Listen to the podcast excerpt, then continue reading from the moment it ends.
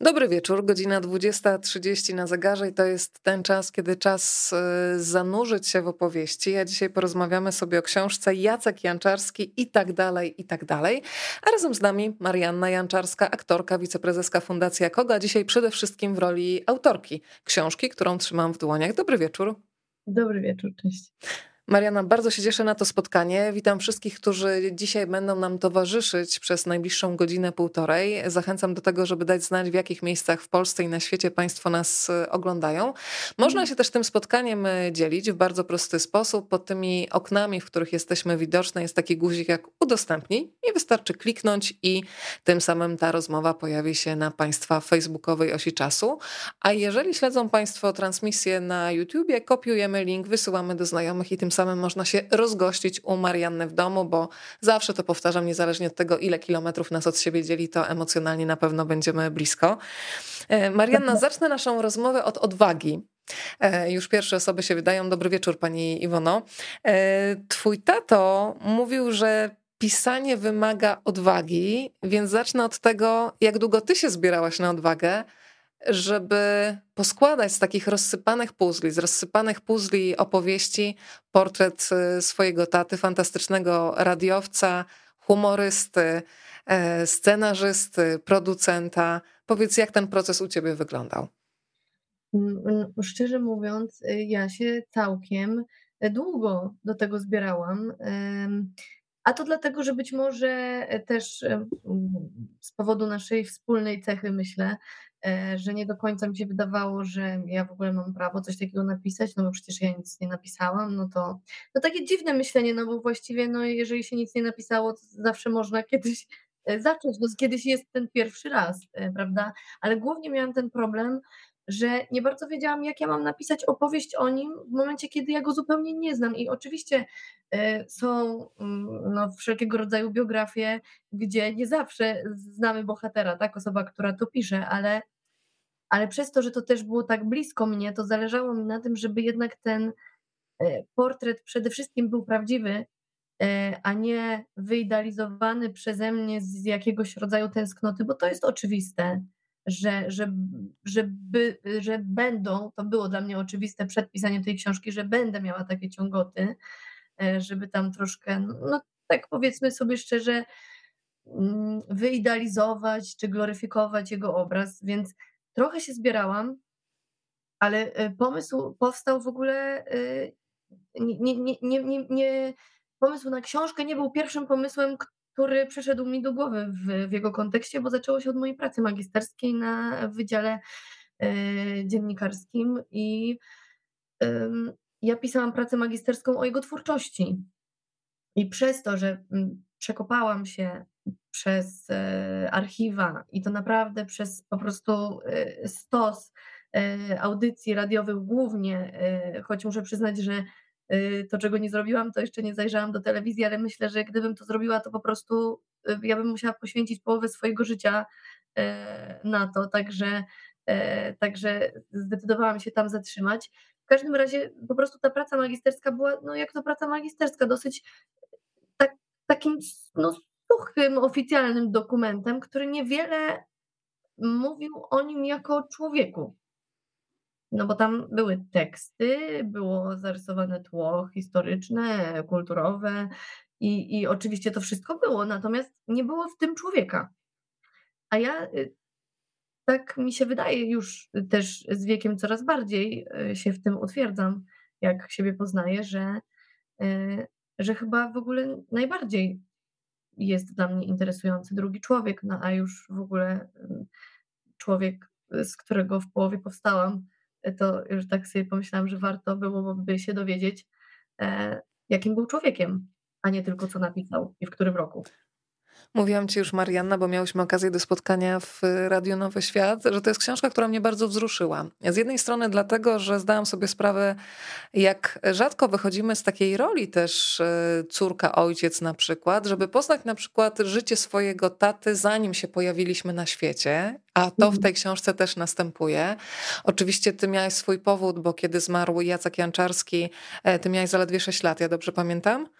Tak, tak. No właśnie ciekawe, wiesz, jakby to wyglądało, gdyby gdyby na przykład on dłużej był obecny, nie wiem, nie potrafię tego. Ja w ogóle ciężko mi jest się wypowiedzieć jakkolwiek na temat relacji ojciec-córka, bo właściwie dla mnie to są, no może to zabrzmi brutalnie, ale dla mnie w tym momencie to są tylko słowa, bo mimo, że go poznałam w jakiś sposób przy okazji tej książki, to wciąż nie zastąpisz pewnymi rzeczami ludzkiej obecności, która była w, twojej, w Twoim życiu. Więc to jest zawsze dla mnie troszkę dziwne, jak słyszę e, takie zdania, no bo one są dla mnie tylko zdaniami, niestety.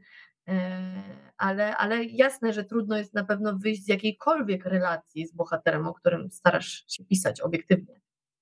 Bardzo też lubię konstrukcję tej książki i powiedzmy trochę, jak dochodziłaś do tego, jak opowiedzieć o tacie, o artyście, ale właśnie przede wszystkim o człowieku.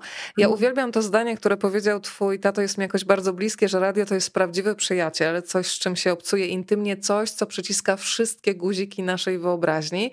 Kiedy mm, złapałaś tę konstrukcję książki, że radio to głos, więc niech opowiadają głosy, niech ludzie opowiadają o twoim tacie, bo mm, wyobrażam sobie ten pierwszy moment, kiedy już wiesz, że chcesz pisać, ale konstrukcja jest bardzo istotna, bo ja czytając miałam wrażenie, że się przysiadam do bardzo intymnej opowieści i zarówno bliski staje mi się twój tato, już nie tylko jako twórca fantastycznych piosenek, już nie tylko jako twórca e, kultowego słuchowiska, na przykład kocham e, pana, panie Sułku, ale też, że bliscy stają mi się ci wszyscy ludzie, e, którzy o nim opowiadają i niezwykłe jest to, że ludzie odchodzą, ale krąży ta energia, że energia człowieka zostaje mm. i po wielu latach ci ludzie opowiadają ci detale, szczegóły właśnie, z których można stworzyć takie rusztowanie do, do opowieści.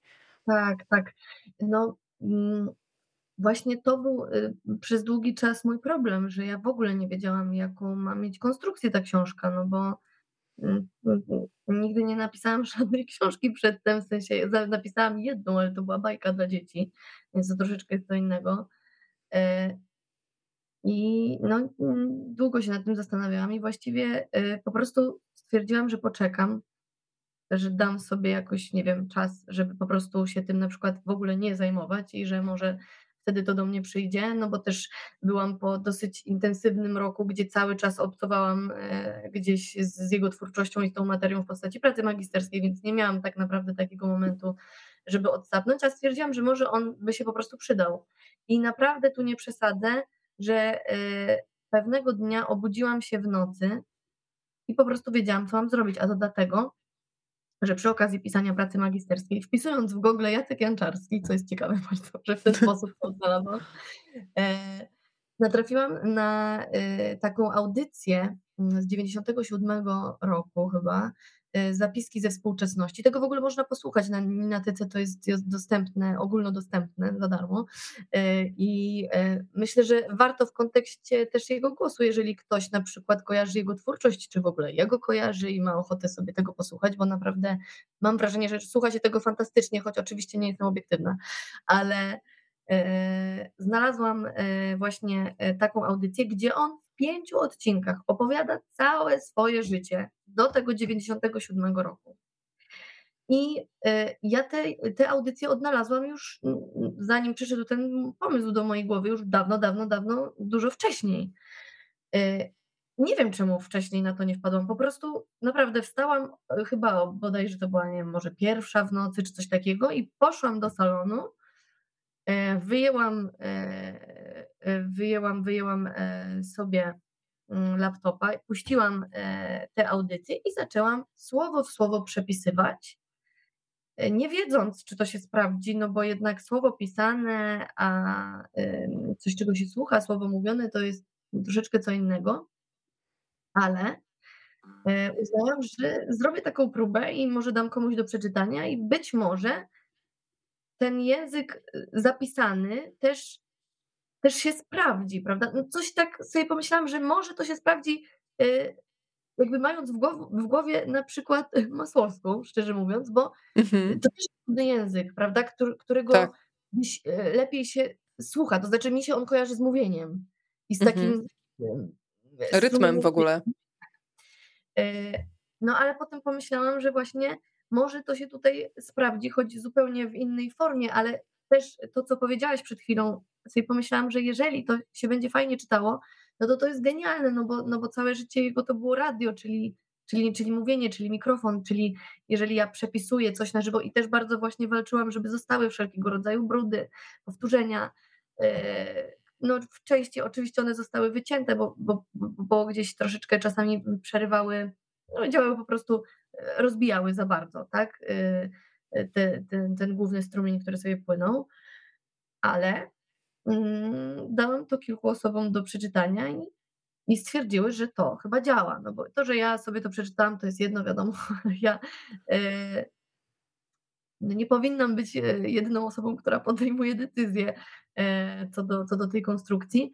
I, i, i, I potem stwierdziłam, że właściwie to jest super, bo jeżeli to się sprawdza, no to ja mam tak naprawdę kręgosłup tej książki i mogę wokół tego sobie mm, dodawać wszelkie inne opowieści różnych osób i z tego się stworzy coś ciekawszego niż sama mozaika, e, jaką, byłoby, jak, jaką byłyby same wywiady z, z, osobami, które z nim współpracowały, czy się przyjaźniły, czy, czy, czy, czy, czy z rodziną, bo na początku taki miałam pomysł.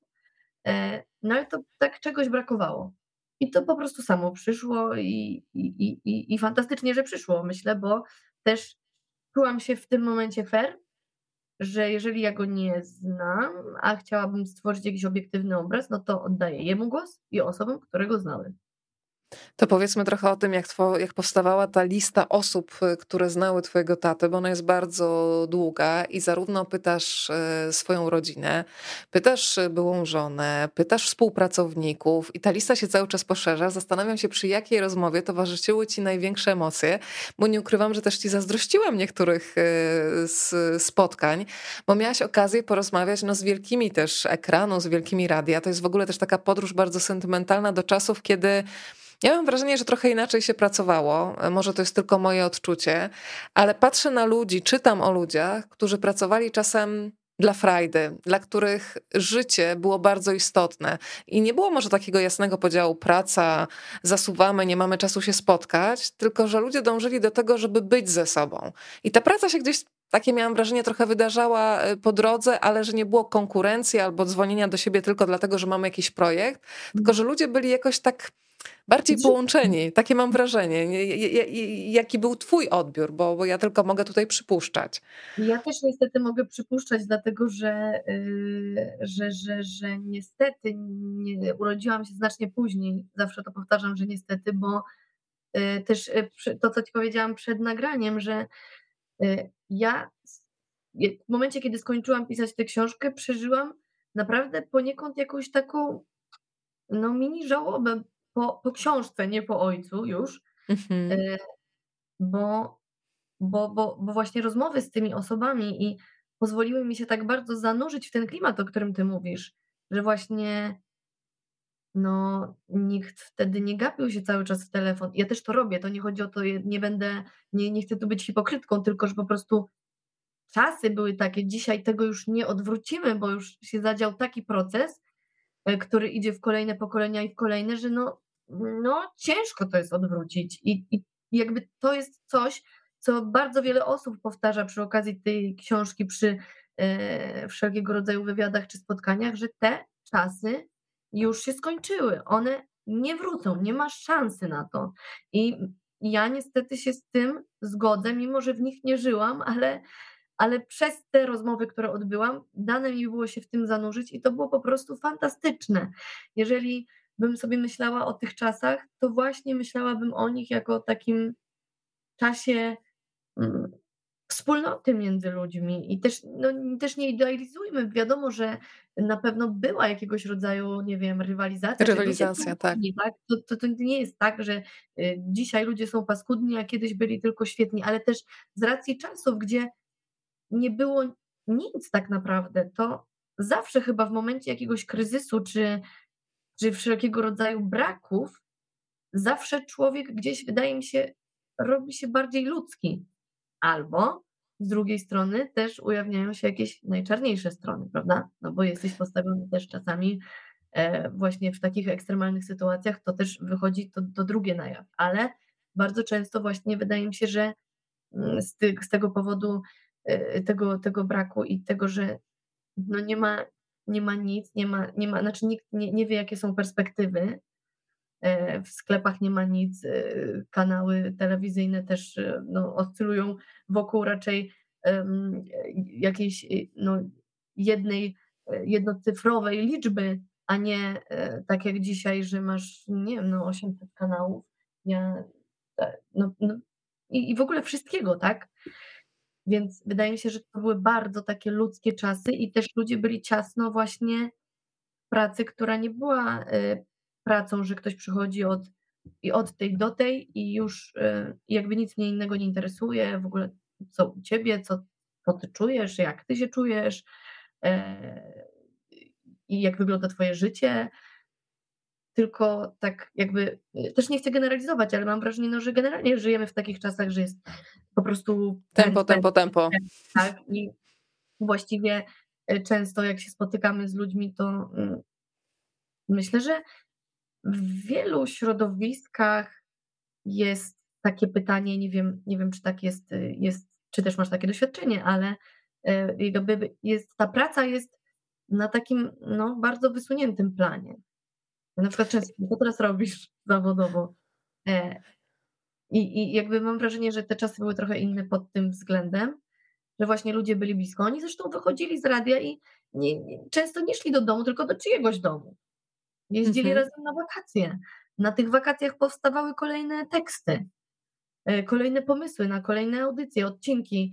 E, takie to było wszystkie, takie to było ciasne, ludzkie tak bardzo mocno ze sobą powiązanie, ale też zabierasz nas dzięki tej książce w czasy też wielkich osobowości e, radiowych, ludzi, którzy też wpływali na polski język. Jonasz Kofta, e, przecież się pojawia pani Maria e, Czubaszek, sporo Maciej Zębaty, sporo takich osób, które wpływały też na taki gust kulturalny kolejnych pokoleń. Piszesz o tym, że pamiętasz ten moment, że tata na przykład był dla ciebie gargamelem ze Smurfów, kazał ci śpiewać hej szalała, szalała zespołu ukrywań. No ale potem z czasem odkrywałaś e, kolejne odnogi jego osobowości. E, pokazywałaś, e, że był producentem, że pisał spektakle teatralne. Co było dla ciebie najbardziej zaskakujące? Bo wyobrażam sobie, że zawsze siadając do pisania książki, tutaj w ogóle mamy bardzo wyjątkową sytuację, bo piszesz o bardzo bliskim e, człowieku, tak jak powiedziałaś, człowieku, z którego powstałaś. Więc, ale zastanawiam się, zawsze masz jakieś wyobrażenie, kiedy siadasz do książki. Mniej więcej jakieś ramy masz w głowie, ale podczas pisania zawsze są takie momenty, które nas zaskakują. Kiedy odkrywasz jakieś elementy historii, o których wcześniej albo nie myślałaś, albo o których po prostu nie znałaś, to ci najbardziej zaskoczyło przy pisaniu, przy odkrywaniu tak naprawdę portretu taty? Wielokrotnie miałam takie momenty, że coś mnie zaskoczyło, a właściwie szczerze ci powiem, że zaskakiwało mnie wszystko, no bo ja go nie znam, nie, nie znałam go, więc właściwie naprawdę wszystko było dla mnie takie wow, o, naprawdę? A czasami było, o kurde, fajnie, nie podoba mi się to. E, mhm. Więc no to było, to było bardzo różne. Przede wszystkim y, ja też nigdy wcześniej nie miałam takiego momentu, że sobie pomyślałam, o teraz y, sobie zrobię rok przerwy, będę poznawać jego twórczość, przekopię wszystko i, i tak dalej, i tak dalej, i tak dalej. E, a, a tak się stało, więc ja nie miałam pojęcia o wielu rzeczach, które on napisał.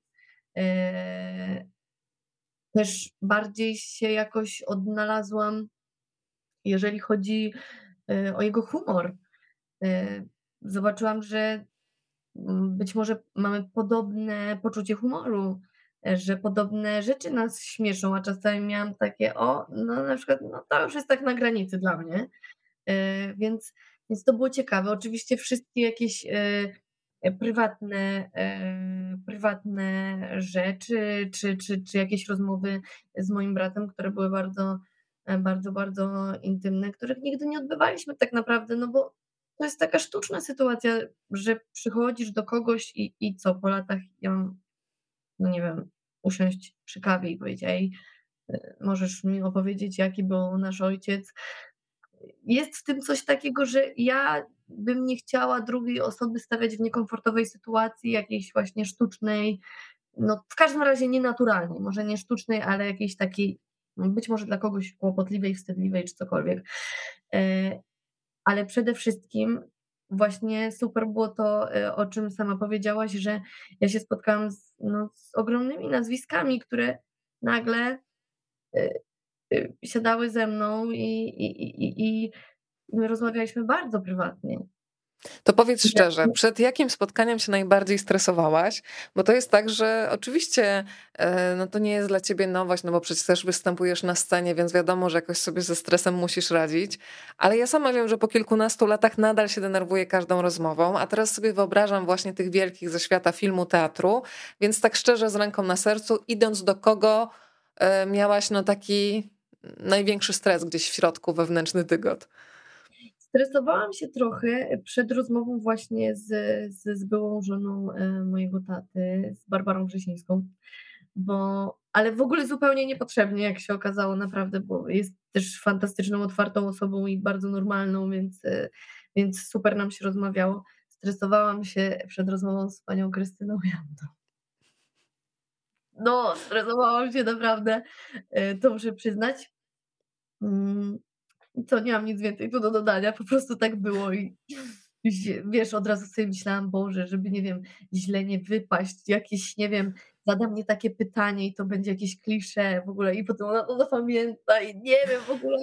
I ogóle powiedzieć komuś, że naprawdę jest dla ciebie idolem i jednocześnie, żeby to nie było odebrane, że ty się komuś podlizujesz albo że, no bo takie osoby zazwyczaj słyszą to niejednokrotnie, nie? Ich tak by się chciało powiedzieć coś takiego oryginalnego, no a wychodzisz i mówisz yy, w stresie, podziwiam panią. Wiesz, takie yy, no śmieszne to jest, ale potem, potem jakby to gdzieś też pękało, bo, bo, bo, bo zaczęłyśmy właśnie z, i nie tylko z panią Krystyną, ale ze wszystkimi wchodzić yy, na taki teren, na taki obszar bardzo emocjonalny, że ta rozmowa nagle w ogóle no nagle jesteś, nie jesteś z nazwiskiem, jesteś z człowiekiem, mhm. który daje ci od siebie coś, e, ogromny dar, jakim jest e, to, że możesz się razem, po prostu razem skoczyć sobie tam e, do, do, do, do tego świata z tą osobą i jeszcze na dodatek masz świadomość, że twój ojciec był częścią tego świata, mm, o którym ta osoba opowiada i też no też nakreśla ci jakiś, jakiś jego portret. Ja Mariana... powiedziałam, że mój tata zachęcił panią Krystynę, właśnie panią Krystynę Jandę do pisania. I, i, I to akurat nie słyszałam tego pierwszy raz, bo już to widziałam w, w jej, w jednym z jej felietonów, e, zdaje się, czytałam. E, no w każdym razie to są takie, takie, takie rzeczy, które właśnie, że idę i wiesz, ja wielokrotnie byłam na spotkaniach, gdzie miałam zapisane swoje pytania, a w ogóle żadne z nich nie padło, bo po prostu to skręcało w zupełnie inną stronę i ja po prostu za tym jakoś szłam, no bo to było ciekawsze.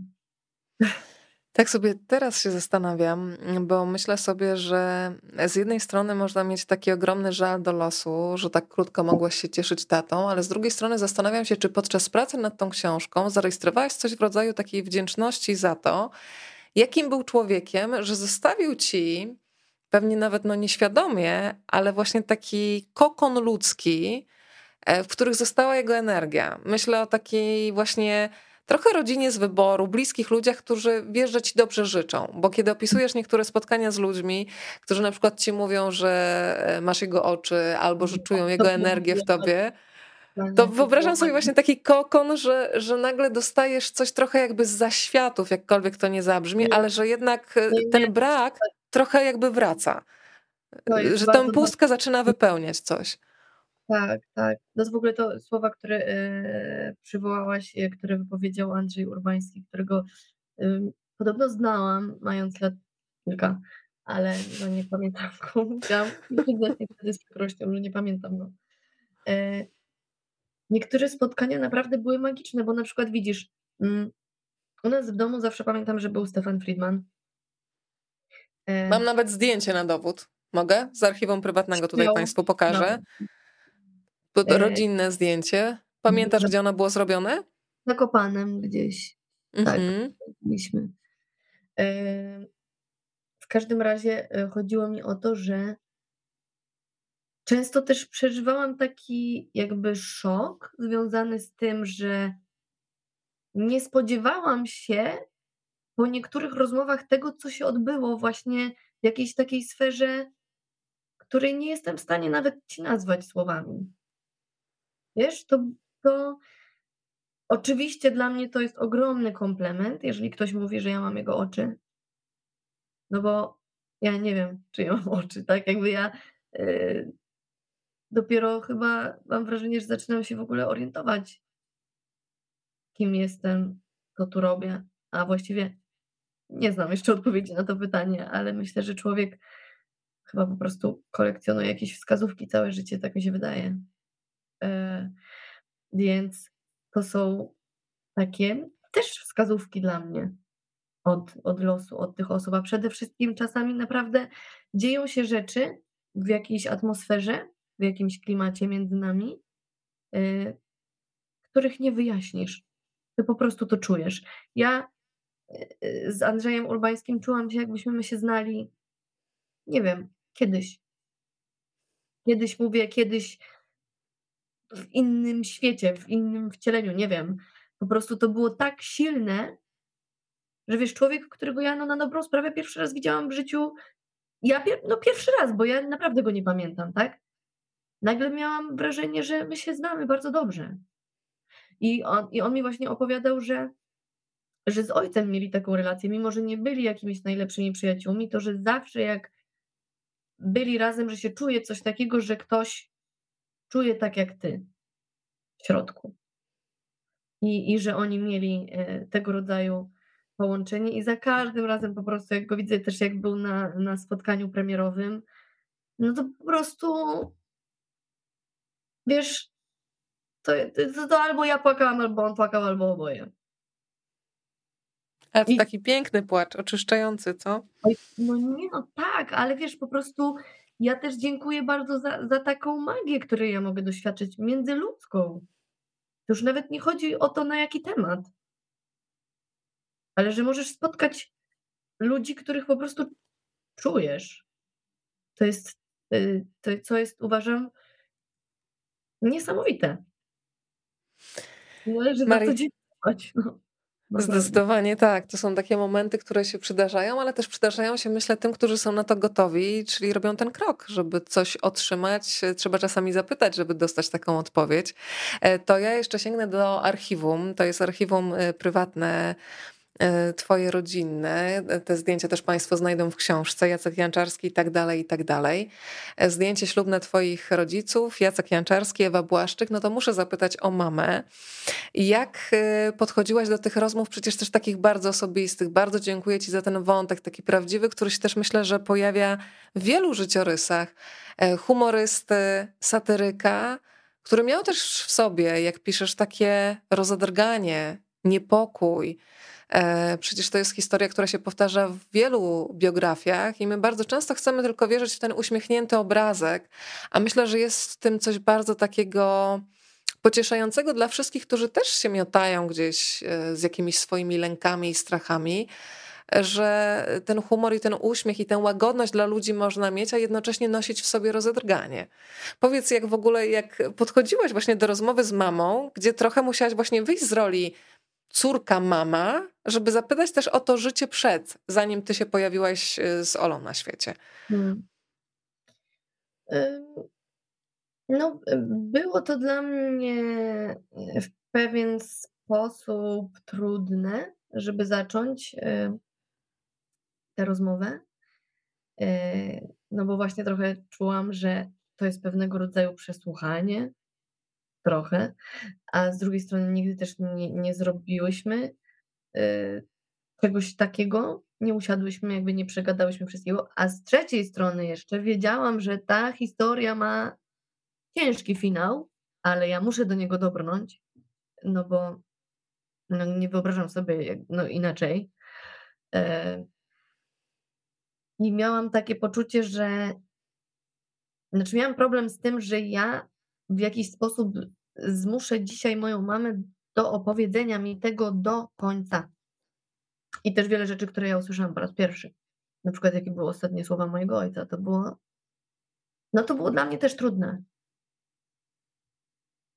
Ale myślę, że to są rzeczy, które warto wiedzieć. Znaczy, niektórzy może, no nie, nie chcę mówić, ja mówię za siebie, tak? Mm, mm, no ja myślę, że warto takie rzeczy wiedzieć.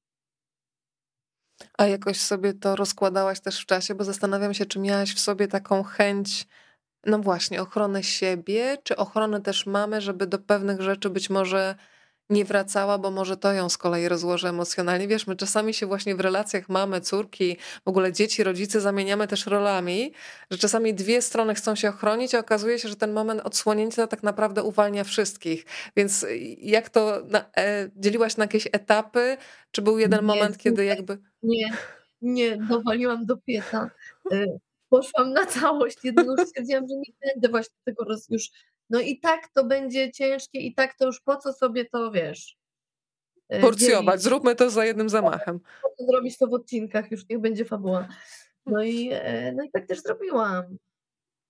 No i potem troszkę było mi ciężko, ale y, no ale tak życie wygląda, no i jakby z perspektywy absolutnie przecież tego nie żałuję i, i to musiało się znaleźć w tej książce i też ogóle najwyraźniej musiało się jakoś wydarzyć i, i, i z jednej strony to było trudne, a z drugiej strony piękne. No. Tak, tak, to jest, to, to jest też dowód na to, że właśnie w, tym, w życiu właśnie tak jest, że z jednej strony mieści się w nim yy, i masę okrutnych przeżyć, cierpienia, ale też takie momenty, o których mówisz, zachwycającego piękna, takich połączeń pomiędzy ludźmi, które nagle i może, może dlatego właśnie jakoś mamy siłę, żeby po prostu tak sobie myślę żyć, że dopóki to piękno równoważy momenty trudne, to, to, to jest jakaś nadzieja. E, a mm. powiedz w ogóle, co mama powiedziała po lekturze już książki? W ogóle zastanawiam się, jakie już dostałaś zwrotne reakcje, bo kiedy się spotkałyśmy w radiu, to był jeszcze ten moment, kiedy niewiele osób przeczytało, bo to było jeszcze przed premierą bodajże, albo pierwsze tak. dni e, po premierze. Teraz już trochę czasu minęło i zastanawiam się, E, coś jeszcze wydarzyło już po lekturze, bo przecież tam wiele osób znalazło fragmenty swojej rzeczywistości. Wiele osób być może jeszcze chciało coś dopowiedzieć, więc powiedz proszę o tych reakcjach. Mm, wiesz e, o, o reakcjach takich z zewnątrz. Na przykład piszą do mnie różne osoby nieznajome, które przeczytały i co jest dla mnie ogromnym komplementem, że udało mi się najwyraźniej uchwycić czas, którym nie żyłam i o którym nie mam pojęcia. E, I to jest dla mnie największy komplement, że tak naprawdę ja z perspektywy 29-letniej osoby trafiłam w ogóle do nie swojego odbiorcy wiekowego. Jakby to jest dla mnie ogromny zaszczyt, że ja trafiłam do tej grupy. E, I, i, i, I właśnie mam takie sygnały, że ludzie piszą właśnie, że bardzo dziękują za tę książkę, bo to jest ich młodość na przykład, albo że się wychowali na ITR-ze i że czuć ten klimat. Mój brat mi powiedział po przeczytaniu tej książki, że jest w niej ojciec, więc jak ja to usłyszałam, to możesz sobie tylko wyobrazić, co poczułam. A twój brat jest starszy ciebie o 20 lat, prawda? Więc to też pokazuje ten przedział, tak? Tak, tak, tak. E, no ale wiesz, no, no on więcej czasu z nim spędził, choć może tak. i nie do końca, ale, e, ale jednak no, ma większe pojęcie o tym, jakim on był człowiekiem niż ja. Więc, więc to był ogromny komplement. Więc, no więc, więc takie mam sygnały, że, że, że, że, że udało mi się uchwycić ten czas, ale też, że mm, no, udało mi się jakoś uchwycić jego osobę, jakiś zapach, wiesz, nie wiem jak to określić, no, mi się wydaje. No to dobra, szczerze, co powiedziała mama? Bo ja myślę, że była bardzo dumna z ciebie, tak. ale mogę sobie gdybać, więc co powiedziała? Moja mama jest bardzo wylewna, e, więc no oczywiście no, powiedziała, że jest, że jest e, dumna i że, i, że, i że mi dziękuję za tę książkę również. No i co? I że, że się po prostu ją pochłania. E, ale, ale wiadomo, że jak od niej to usłyszałam, no to, to też wiedziałam, że ona pochłania, no bo to jednak był gdzieś mężczyzna jej życia, więc e, i, i mocno to jej dotyczy, więc, więc na pewno też super się czułam, jak dostałam takie głosy zupełnie z zewnątrz osób, które nie są związane w żaden sposób e, z, z jego osobą. E, I, i, I to jest takie bardzo, bardzo cenne dla mnie. A jeszcze wracając na sekundę do tego, co powiedziałaś o tym roztrzęsieniu i tak dalej, bo ja uważam, że to jest też bardzo, wiesz, tak się zastanawiałam w ogóle też, czy napisać e, w tej książce o, o, o tym relanium i tak dalej, no bo sobie myślę, kurczę, no nie wiem, zaraz oczywiście będzie jakaś afera, że nie wiem, no, uzależnione od leków czy coś tam. A z drugiej strony sobie pomyślałam, że też ja tę książkę tworzę, a być może jestem naiwna, być może jestem e, jakby za czymś, co się dzisiaj nie sprzedaje, albo coś w tym stylu, ale pomyślałam sobie, że ja właśnie nie chcę ucinać takich rzeczy, które są niewygodne, za mocne, albo że źle wpłyną na jego wizerunek czy cokolwiek, no bo jakby jesteśmy ludźmi i no i po prostu jesteśmy ludźmi i, i, i nie ma jakby kurczę, połowa ludzi ma, nie wiem, stany lękowe, nerwice, Dokładnie, tak. I właśnie przez to, Marianna, chyba się zgodzisz, że przez to, że my tworzymy taki wizerunek, że ucinamy gdzieś historię, tak. to ci, którzy się z tym mierzą, wydaje im się, że w ogóle nie pasują do tego świata, tak, bo nie znają tak. prawdy. Mhm. Ja zaliczyłam stan lękowy po usłyszeniu historii e, właśnie od mojej mamy i tak dalej kilka dni później, nie? W ogóle mhm. nie wiedziałam, co się ze mną dzieje. Co nie było w ogóle strict, jakby nawet nie rozmawiałam o tym, ale w taki mhm. sposób to jakoś we mnie wlazło, że wiesz, dostałam ataku paniki w, w kawiarni. A to jest straszne uczucie. I, i, i, i, i też miewałam wcześniej takie stany. I, I też nie do końca wiedziałam, skąd one się biorą. I moja mama też mi kiedyś powiedziała właśnie, że, no, że mój tata y, też miewał coś takiego, nie? I że może ja y, poniekąd y, też gdzieś może to w jakiś sposób, nie wiem, czy to się dziedziczy, czy nie, no ale jesteśmy jakby z, jestem z tej krwi, więc może e, jakieś e, sposoby, nie wiem, myślenia, czy, czy, czy, czy w jakiś sposób psychika sobie z czym radzi. No nie da się tego uciąć i, i naprawdę uwierz mi, że zastanawiałam się, czy, czy właśnie to pisać, czy pisać e, to, co moja mama powiedziała o, o sekcji, ale zdecydowałam, że nie wiem, najwyżej y, ktoś powie coś, że to jest nieodpowiednie, czy coś. No dla mnie to jest odpowiednie, bo, bo po prostu tak wygląda życie i każdy, kto będzie miał do czynienia, znaczy każdy z nas będzie miał do czynienia ze śmiercią, to jest oczywiste. I jakby no, jestem za tym, żeby nie pudrować sytuacji, który, o których, w sytuacji, w których jak człowiek się znajdzie, to nie myślisz o pudrze, jakby tak.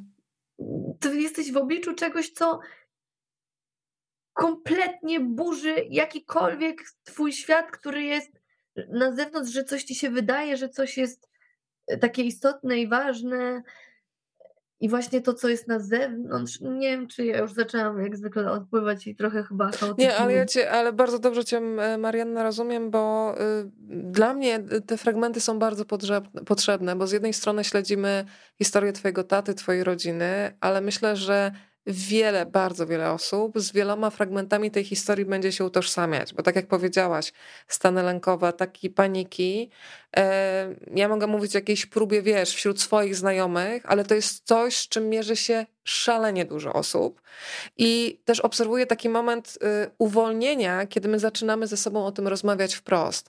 I nawet bezradność, jak, którą się podzieli pomiędzy kilka osób, jest łatwiej unieść, kiedy się okazuje, że to nie jest tylko, nie wiem, jednostkowy problem mój, twój, tylko że z tym się mierzą tysiące ludzi i nagle y, w ogóle dla mnie jest też coś pięknego w tym, że mając w sobie rozedrganie, jednocześnie możesz przynosić innym ludziom spokój i uśmiech. Bo to jest między mhm. innymi przypadek y, twojego taty. Tak jak powiedziałaś o tym głosie. Ja też wcześniej, przed książką, którą napisałaś, znałam oczywiście słuchowiska, znałam seriale, piosenki, które twój tato e, tworzył, śpiewane przez wielu artystów, ale nie słyszałam nigdy jego głosu. I, I powiem ci, że to jest taki głos, którym się można zakochać, bo w nim jest spokój, poczucie humoru, bo w głosie też to słychać, i tak. rodzaj naturalności. E, bo są aktorzy, którzy podgrywają czasem na antenie i to też jest fajne, bo to jest rola, ale to, co mnie przyciągało jak magnes do głosu twojego taty, to jest e, taka naturalność i właśnie niepodgrywanie. Tak. E, więc i, i, bardzo mi się podobało to, że nosząc w sobie rozedrganie, które myślę, że każdy z nas na różnych etapach ma mniejsze lub większe, można jednocześnie y, tyle dobrego też dać innym ludziom, bo to jest taki refren, który się powtarza w wielu opowieściach. Ja też rozmawiałam ze swoją szefową z Radia Nowy Świat, z Magdą Jeton i ona podkreślała to, jak on potrafił łączyć ludzi, że ona nie pamięta, żeby on podnosił głos. E, bardzo ją też urzekło to, jak e, opiekował się Maciejem Zębatym, kiedy on chorował, że dbał o to, żeby on miał na przykład pieniądze na życie, e, żeby pracować z nim, nie odsuwał się od ludzi. Więc to też jest niezwykłe, że w tylu opowieściach jest jak taki, pojawia się jako taki człowiek, który łączy innych. Łączy kropki, łączy ludzi i nawet jeżeli inni krytykują, to on stara się widzieć w tym człowieku, e, który akurat jest poddawany przez innych krytyce, coś dobrego. To, mhm. to jest świetna cecha i wcale nie taka częsta, no, powiedzmy sobie szczerze. No wcale nie, no i właśnie, i właśnie widzisz, i, e, a patrzysz z zewnątrz i sobie myślisz, no facet, który stworzył IDR, no pisarz i w ogóle, no to chyba, e, no, no to chyba fajnie ma, nie? I w ogóle nie przychodzi ci do głowy, że. Z czym się boryka, nie, kiedy jest sam w domu, nie? Tak, tak. No przecież każdy ma za sobą jakąś historię, każdy przeżył dzieciństwo, w którym e, coś było tak albo nie tak. No, ludzie. Tak, wiesz co, ja też e, bardzo lubię e, te opowieści, kiedy ty się spotykasz z siostrą swojego taty e, i też właśnie odkrywasz te trudne momenty w jego dzieciństwie, kiedy też na pewno mógł się czuć osamotniony. I to są takie momenty, kiedy zaczynasz sobie składać te, te puzzle. Część na pewno jest też dużo takich. Czy było właśnie, Marianna, jakieś takie elementy, których ci brakuje do dzisiaj, ale nie sposób już dotrzeć? Czy był jakiś temat, którego chciałaś jeszcze dotknąć, ale nie znalazłaś człowieka, który by dzięki swojej opowieści uzupełnił gdzieś tę opowieść i portret? Wiesz co, wydaje mi się, że nie mam takiego poczucia, ale też prawdopodobnie dlatego, że być może o jakichś rzeczach nie wiem, więc nawet nie mam pędu, żeby spróbować się dowiedzieć. Ale niestety. Yy, no, miałam nadzieję, że więcej uda mi się porozmawiać właśnie z siostrą mojego taty, ale y, w ogóle to była niesamowita historia, bo my bardzo długo nie miałyśmy kontaktu i ja się do niej odezwałam przy okazji tej książki. Mm, I, i, i tydzień później się okazało, że ona jest ciężko chora e, i niestety nie dożyła premiery. E, ja bardzo chciałam jej wcześniej jeden egzemplarz dać i on przyszedł niestety dwa dni do mnie, dwa dni po jej śmierci. E, także tu nie zdążyłam się nagadać, ale i tak jestem bardzo wdzięczna, że w ogóle, e, wiesz, tak naprawdę e, ta, e, ta książka dała nam, mm, no, stworzyła też taki pretekst, żebyśmy my nawiązały z powrotem kontakt. I on był bardzo intensywny. I ona mi bardzo dużo opowiedziała o ich dzieciństwie, bardzo dużo, co daje mi też bardzo duże pojęcie no o tym na przykład, z jakiego powodu mógł być rozdrgany. Tak. No. E, to teraz sięgnę jeszcze raz. Dobry wieczór. Kolejne osoby się witają z nami. To słuchaj, wrócę na chwilę jeszcze do naszego spotkania radiowego. Pojawiłaś się z fantastycznym psiakiem. Mm, powiedz, jak się nazywa twój psiak, bo za chwilę przedstawimy pieska z przeszłości. Gdzie on jest? Jest Hapsio. Hapsio. Powiem mm. Państwu, że redaktor Michał Nogaś się wyrywał do Hapsia, bo na początku mm. nawiązali bardzo dobry kontakt, ale potem się okazało, że jednak Hapsiu jednak trzyma jeszcze redaktora na dystans. O, jaki on jest piękny. E, to ja jeszcze... Przy... Ale dzięki temu było radio na żywo jak najbardziej. To ja no. jeszcze tutaj, słuchaj, archiwalne zdjęcie. Cóż to za piesek i jak ważne w ogóle były jamniki w życiu y, twojego taty? E, przedstaw tego osobnika z przeszłości, ale który cały czas gdzieś żyje dzięki opowieści, również książkowej. Otóż on żył również, można by powiedzieć, jako jakaś dynastia, bo to był koniak pierwszy, bo koniak potem był koniak drugi. E, i, I tak to wyglądało. Natomiast to był pierwszy ich pies, którego mój tata y, kupił mojej mamie. Wyszedł, tak, wyszedł do sklepu, znaczy na, czy na targ, może to gdzieś chyba było przy hali Mirowskiej, może, y, po dżinsy. Chciał kupić sobie dżinsy. No ale stała taka, właśnie jak to on powiedział, stała baba z pieskami y, i że strasznie lało i one w tym kartonie przemoczonym i tak dalej, czy tam właśnie jeden ten piesek został, coś takiego. No i no po prostu no, nie było jeansów, był pies. I wrócił, yy, wrócił do domu, no i, i tak. I chyba w ogóle coś takiego mi się kojarzy, że powiedział mojej mamie, dostałaś Oscara, czy coś takiego, bo chyba on miał się nazywać Oscar, ale potem już został koniak yy, i, i to był ich pierwszy pierwszy piesek, a potem już długo, długo, długo były jamniki jeszcze i jeszcze my się załapałyśmy mm, na jamniki i jeszcze bardzo długo, nawet, nawet jeszcze do, no z trzy lata temu jeszcze był jamnik u nas w domu. Słuchaj, to teraz się przyjrzyjmy jeszcze przez chwilę tej działalności czysto zawodowej. Przypomnijmy, że e, twój tato współpracował z wieloma kabaretami, z wykonawcami. Jego piosenki z jego tekstami śpiewali innymi mm, Krystyna Janda, Ewa Dałkowska, twoja mama oczywiście Ewa Błaszczyk, mm, Edyta Geppert, Piotr Frączewski. Ja w ogóle z zachwytem odkryłam płytę Ale Kryzys z roku 90 bodajże. E, mm. I Piotr Frączewski z tymi tekstami, zresztą jest taki utwór, w którym twój tato się pojawia w takich krótkich e, wejściach. E, fantastyczne. Jeżeli Państwo jeszcze nie, nie znają, to ja poproszę, żeby poszukać na Spotify'u, ale kryzys, świetne e, fragmenty. To słuchaj, naprawdę ja jestem zachwycona w ogóle Piotra Franceskiego, też kocham i ta interpretacja, zabawa słowem, e, świetne. E, Jan Kobuszewski, Danuta Rin, e, to wykonawca, ale też muzykę do tekstów twojego taty tworzyli Jan Pietrzak, Włodzimierz Korcz, Jerzy Andrzej Marek, Przemysław Gintrowski czy Jerzy Satanowski. I zastanawiam się, który z utworów jest ci najbliższy. Zresztą bardzo lubię te wspominki. No ja już trochę wiem, ale dzisiaj na pewno będzie trochę inna publiczność niż w radiu, więc opowiadaj. Otóż y, odkryłam ze zdumieniem, że mój ojciec jest autorem y, tytułowej piosenki y, do y, zmienników. Uwielbiam ją. Wstyd, wielki wstyd, naprawdę shame on me. Nie, powiem, nie da się tego inaczej nazwać, ale y, no po prostu o tym nie wiedziałam. Koniec, kropka. I jak to odkryłam, to byłam bardzo dumna, ponieważ bardzo lubię tę piosenkę i naprawdę to już powtarzam zawsze, za każdym razem to samo, że uważam, że gdyby zmienić jej nieco aranżację, to naprawdę, bo to jest piosenka o życiu. Oczywiście to, to jest w ogóle coś, co charakteryzuje moim zdaniem jego twórczość, że to jest śmieszne, e, ale jeśli chcesz, możesz e, tam sobie pogrzebać, i zrozumieć coś innego, co na przykład jest gorzkie. A jak nie chcesz, to też się fajnie bawisz. Tak, ja mam wrażenie, że to jest takie poczucie humoru, które jest trochę taki mm, koło ratunkowe, które ci pozwala przeżywać niektóre sytuacje przynajmniej częściowo na swoich warunkach że właśnie tak jak mówisz, możesz się uśmiechnąć, ale jak sobie sięgniesz e, warstwę głębiej, to okazuje się, że, że coś właśnie tym uśmiechem musisz przykryć, ale przykryć w takim sensie, żeby to przeżyć, przetrawić, żeby mieć jakąś, jakąś broń w tej codzienności. Pan Krzysztof napisał, że słuchaj, musi wyjść z domu, ale nie, ale nie da się wyłączyć tej rozmowy, więc e, będziemy za chwilę na dziale z pieczywem, myślę, z panem Krzysztofem. Dziale.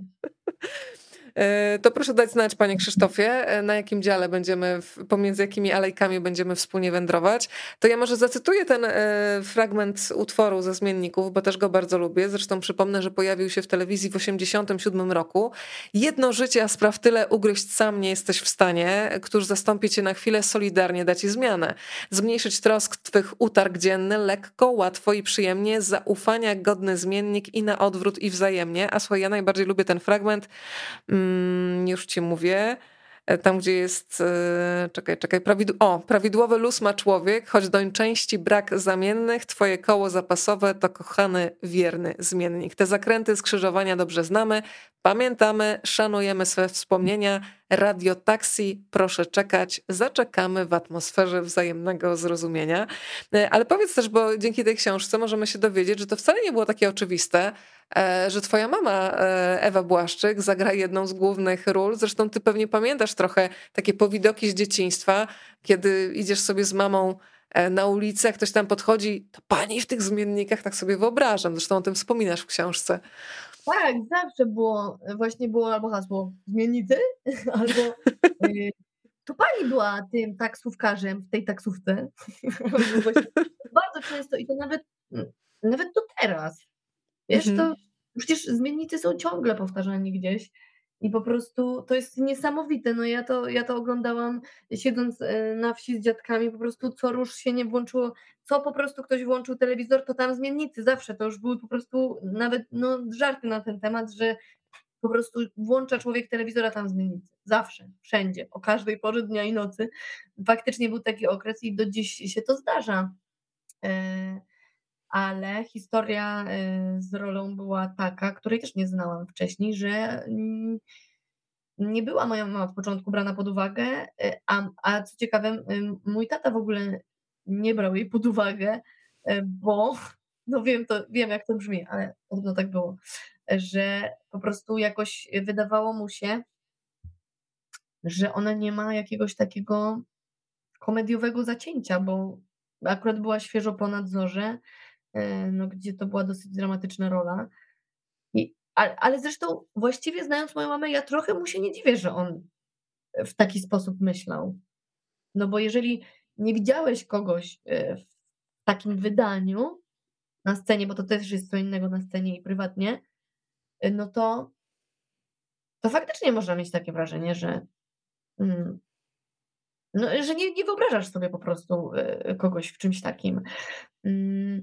I e, pewnego razu podobno właśnie e, zastanawiali się nad obsadą, coś tam ktoś nie mógł, ten i... i, i tam pani i... chyba Jadwiga Jankowska-Cieślak była brana pod uwagę, ale z tego co pisałeś, że, że z jakichś tam względów nie mogła.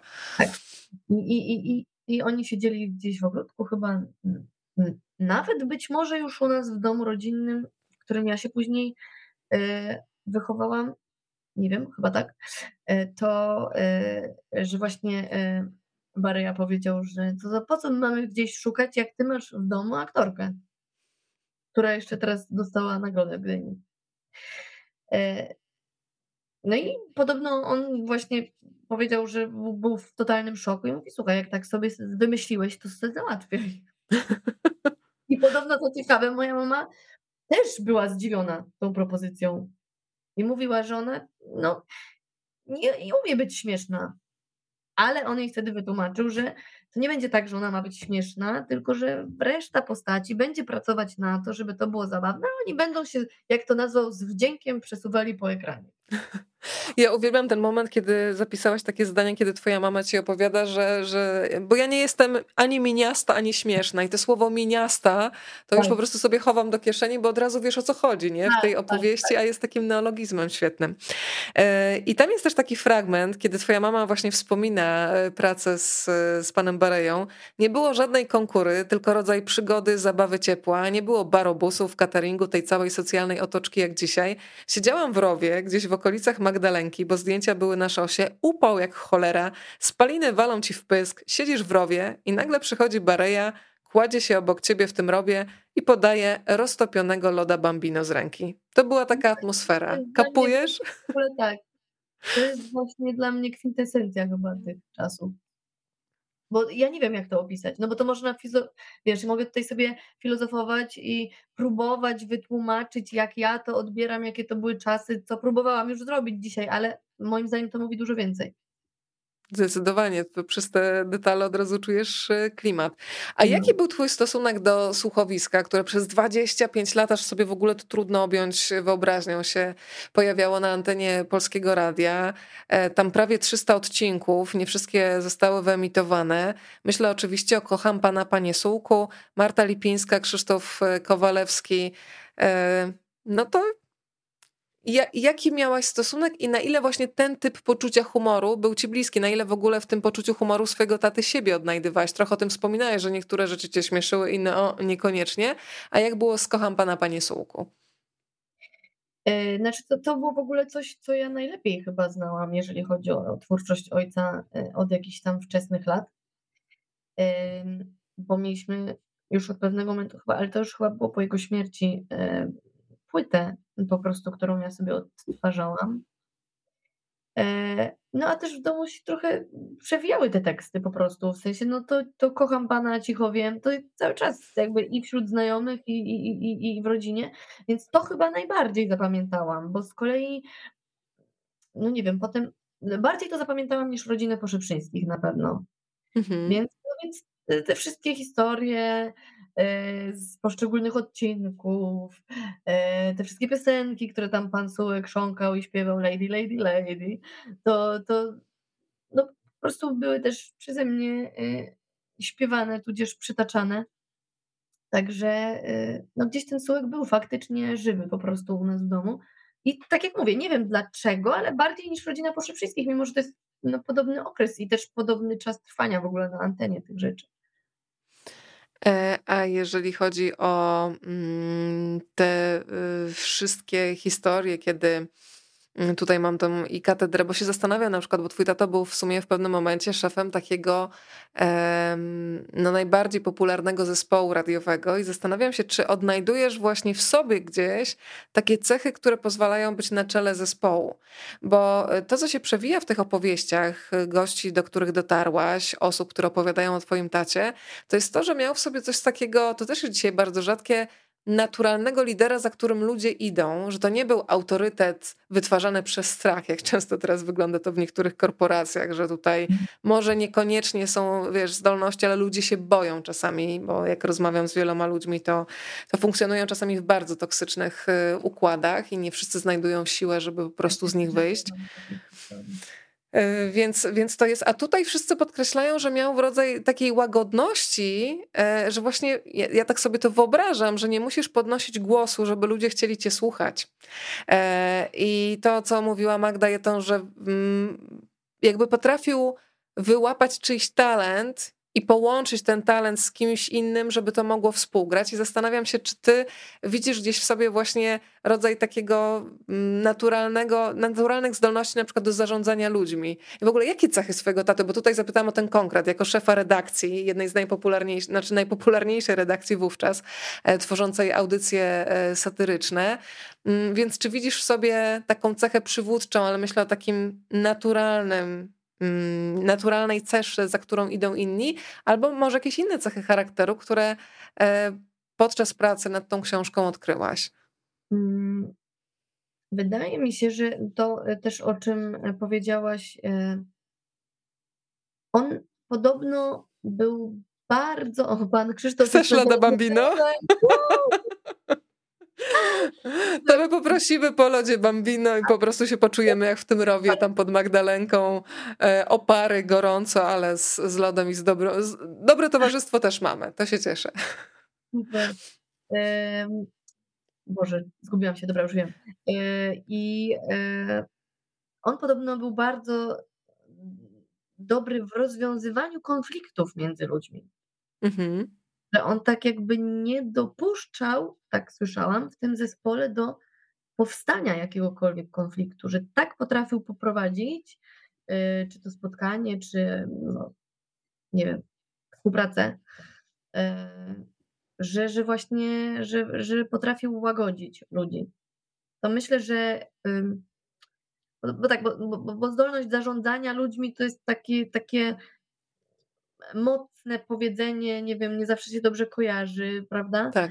Ale myślę, że y, jeżeli chodzi właśnie o takie mm, rozwiązywanie konfliktów, czy, czy wzbudzanie, może o, może wzbudzanie zaufania w ludziach y, i pewnego rodzaju umiejętność wzięcia odpowiedzialności, za drugiego człowieka i tutaj mówił, że jakby nie tylko o pracy, ale w ogóle, to wydaje mi się, że to mam. Że, że, że mm, pewnego rodzaju być może wspólna cecha, jaką jest jakaś mm, naturalność, a w każdym razie brak sztuczności. Oczywiście jest to zależne od tego, jak ludzie nas odbierają różnie, tak? Ja wydaje mi się, że, że, po prostu staram się jak, jak mogę nic, nic, nic nie udawać e, przed drugim człowiekiem. I, i myślę, że, że to wzbudza w ludziach zaufanie do takiej osoby. No bo stajesz bez niczego, nikt nie musi się dokopywać, sprawdzać, co ty masz na myśli, jakie są twoje intencje. E, oczywiście wiele ludzi jakby też pewnie, strzelam, gra w ten sposób, żeby coś osiągnąć, ale, ale myślę, że jeżeli ktoś ma jakąś rozwiniętą intuicję czy coś, to po prostu tego rodzaju mm, osoby przyciągają. Ja na przykład wiem, że przyciągam, bo bardzo dużo ludzi mi opowiada o swoich problemach. E, I, I to się zdarza bardzo często. Właściwie coraz częściej, więc. A jesteś w stanie to unieść? Bo to też jest ciężar, który trzeba umieć przyjąć. Wiesz to ja za każdym razem, jak ktoś się przede mną otwiera, to dla mnie to jest ogromny zaszczyt, że ktoś chce się przede mną otworzyć, że drugi człowiek uznaje, że to znaczy, że czuje się przy mnie bezpiecznie. I to jest dla mnie naj, no, największe, co ja mogę dostać od kogoś drugiego.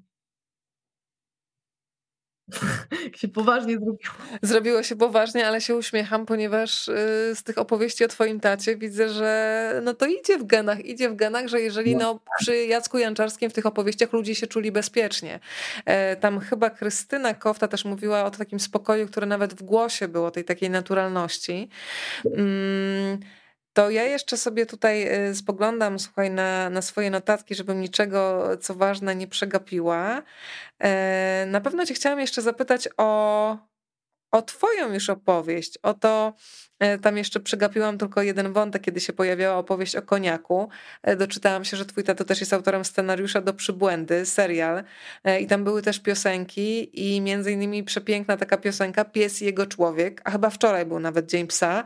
Porozumieć się można bez słów, dłoń polizać głaszcząc, głaszczącą po głowie. Tak już jest w życiu ludzi i psów, to twój pies, tyś jest jego człowiek. Więc tam oczywiście ciąg dalszy następuje. To muszę cię zapytać o ten moment kiedy mm, pojawia się w tej opowieści, tak przez chwilę przemyka e, postać dziadka. Zresztą piszesz bardzo szczerze, że trochę taki dziadek widmo, e, bo znowu nie miałaś okazji nawet poznać. Nie nawet nie trochę. Tak, do, do, dokładnie. Dziadek Widmo. Myślę o Czesławie Janczarskim, czyli e, twórcy Misia Uszatka, ale ta bajkowa część y, historii, myślę o tworzeniu bajek, też jest u ciebie obecna. Myślę o podcaście bajeczna, więc powiedz trochę o tym, czy czy też miałaś w sobie na przykład jakiś taki pomysł, może też na studiach, że mogłaś napisać pracę o Tacio, Jacku Janczarskim, ale równie dobrze no mogłaś też napisać o Czesławie Janczarskim, no bo powiedz mi, kto w Polsce nie zna Misia Uszatka? No to zdziwię cię, bo ja nie wpadłam na ten pomysł. To był pomysł ewentualnie mojej pani promotor, która e, powiedziała właśnie, że może ja napiszę o ojcu i o dziadku, ale ja sobie pomyślałam, że wiesz, y, z dziadkiem ja się nie zahaczyłam za mhm. życia. Jakby. Tak. No to tak y, sobie jakoś taką zrobiłam kalkulację, e, nawet, no, tak, nawet taką emocjonalną, że, no, że to, to w takim razie wszystko po kolei, że jednak ojca nie znam też, więc może warto najpierw jednak ojca poznać, e, skoro chociaż trochę się zahaczyłam i jednak jest to ojciec, a nie dziadek. Więc zdecydowałam się tu szybko, bo wiedziałam, że po prostu jak się zabiorę za nich we dwójkę, no to jakoś wydawało mi się, że to będzie za dużo po prostu i, e, i ja myślę, że musiałabym osobno przerobić jednego, osobno drugiego, żeby ewentualnie ich wspólnie połączyć, więc, e, więc od razu odpuściłam. To była dosyć szybka decyzja.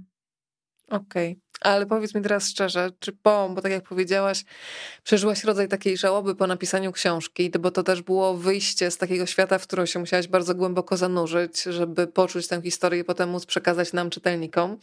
E, czy na tyle ci się spodobało e, pisanie i układanie tych emocji w słowa, składanie portretu ludzi z rozsypanych puzli, że masz ochotę teraz się zabrać za kolejną opowieść, być może opowiedzieć życie kolejnego człowieka, może już niekoniecznie właśnie z rodziny. E, na ile to jest coś, co gdzieś tam masz na horyzoncie do, do zrealizowania? Wiesz, na razie o tym nie myślę. Na razie jedyne co piszę to właśnie bajki dla dzieci i dokładam wszelkich starań, żeby ktoś zechciał je wydać. Polecam się. I też stworzyłam właśnie taki podcast, bo mm, no uznałam, że to jest też coś, co ja mogę zrobić, żeby się rozwinąć, a może dotrzeć właśnie do kogoś. Mówię o moim podcaście Bajeczna, który wystartował 1 e, czerwca. Na Dzień Dziecka tam, zrobiłaś prezent sobie i nam wszystkim.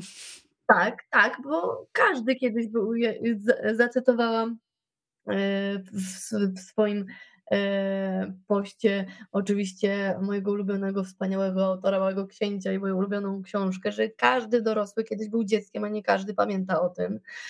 I, I w ogóle ja myślę, że ja w ogóle mam dobry kontakt z dziećmi, bo ja uwielbiam dzieci, bo one są tak szczere i nic nie udają i po prostu e, potrafią do tak coś dowalić, ale to jest, e, nie wiem jak to, no po prostu to jest świeże i szczere i one są po prostu wszystkim zachwycone, wszystkiego ciekawe i, i, i, kurczę, gdybyśmy my w dorosłym życiu, gdyby to było możliwe, żeby to tak podtrzymać, podtrzymać przez całe życie, to jaka to by była frajda.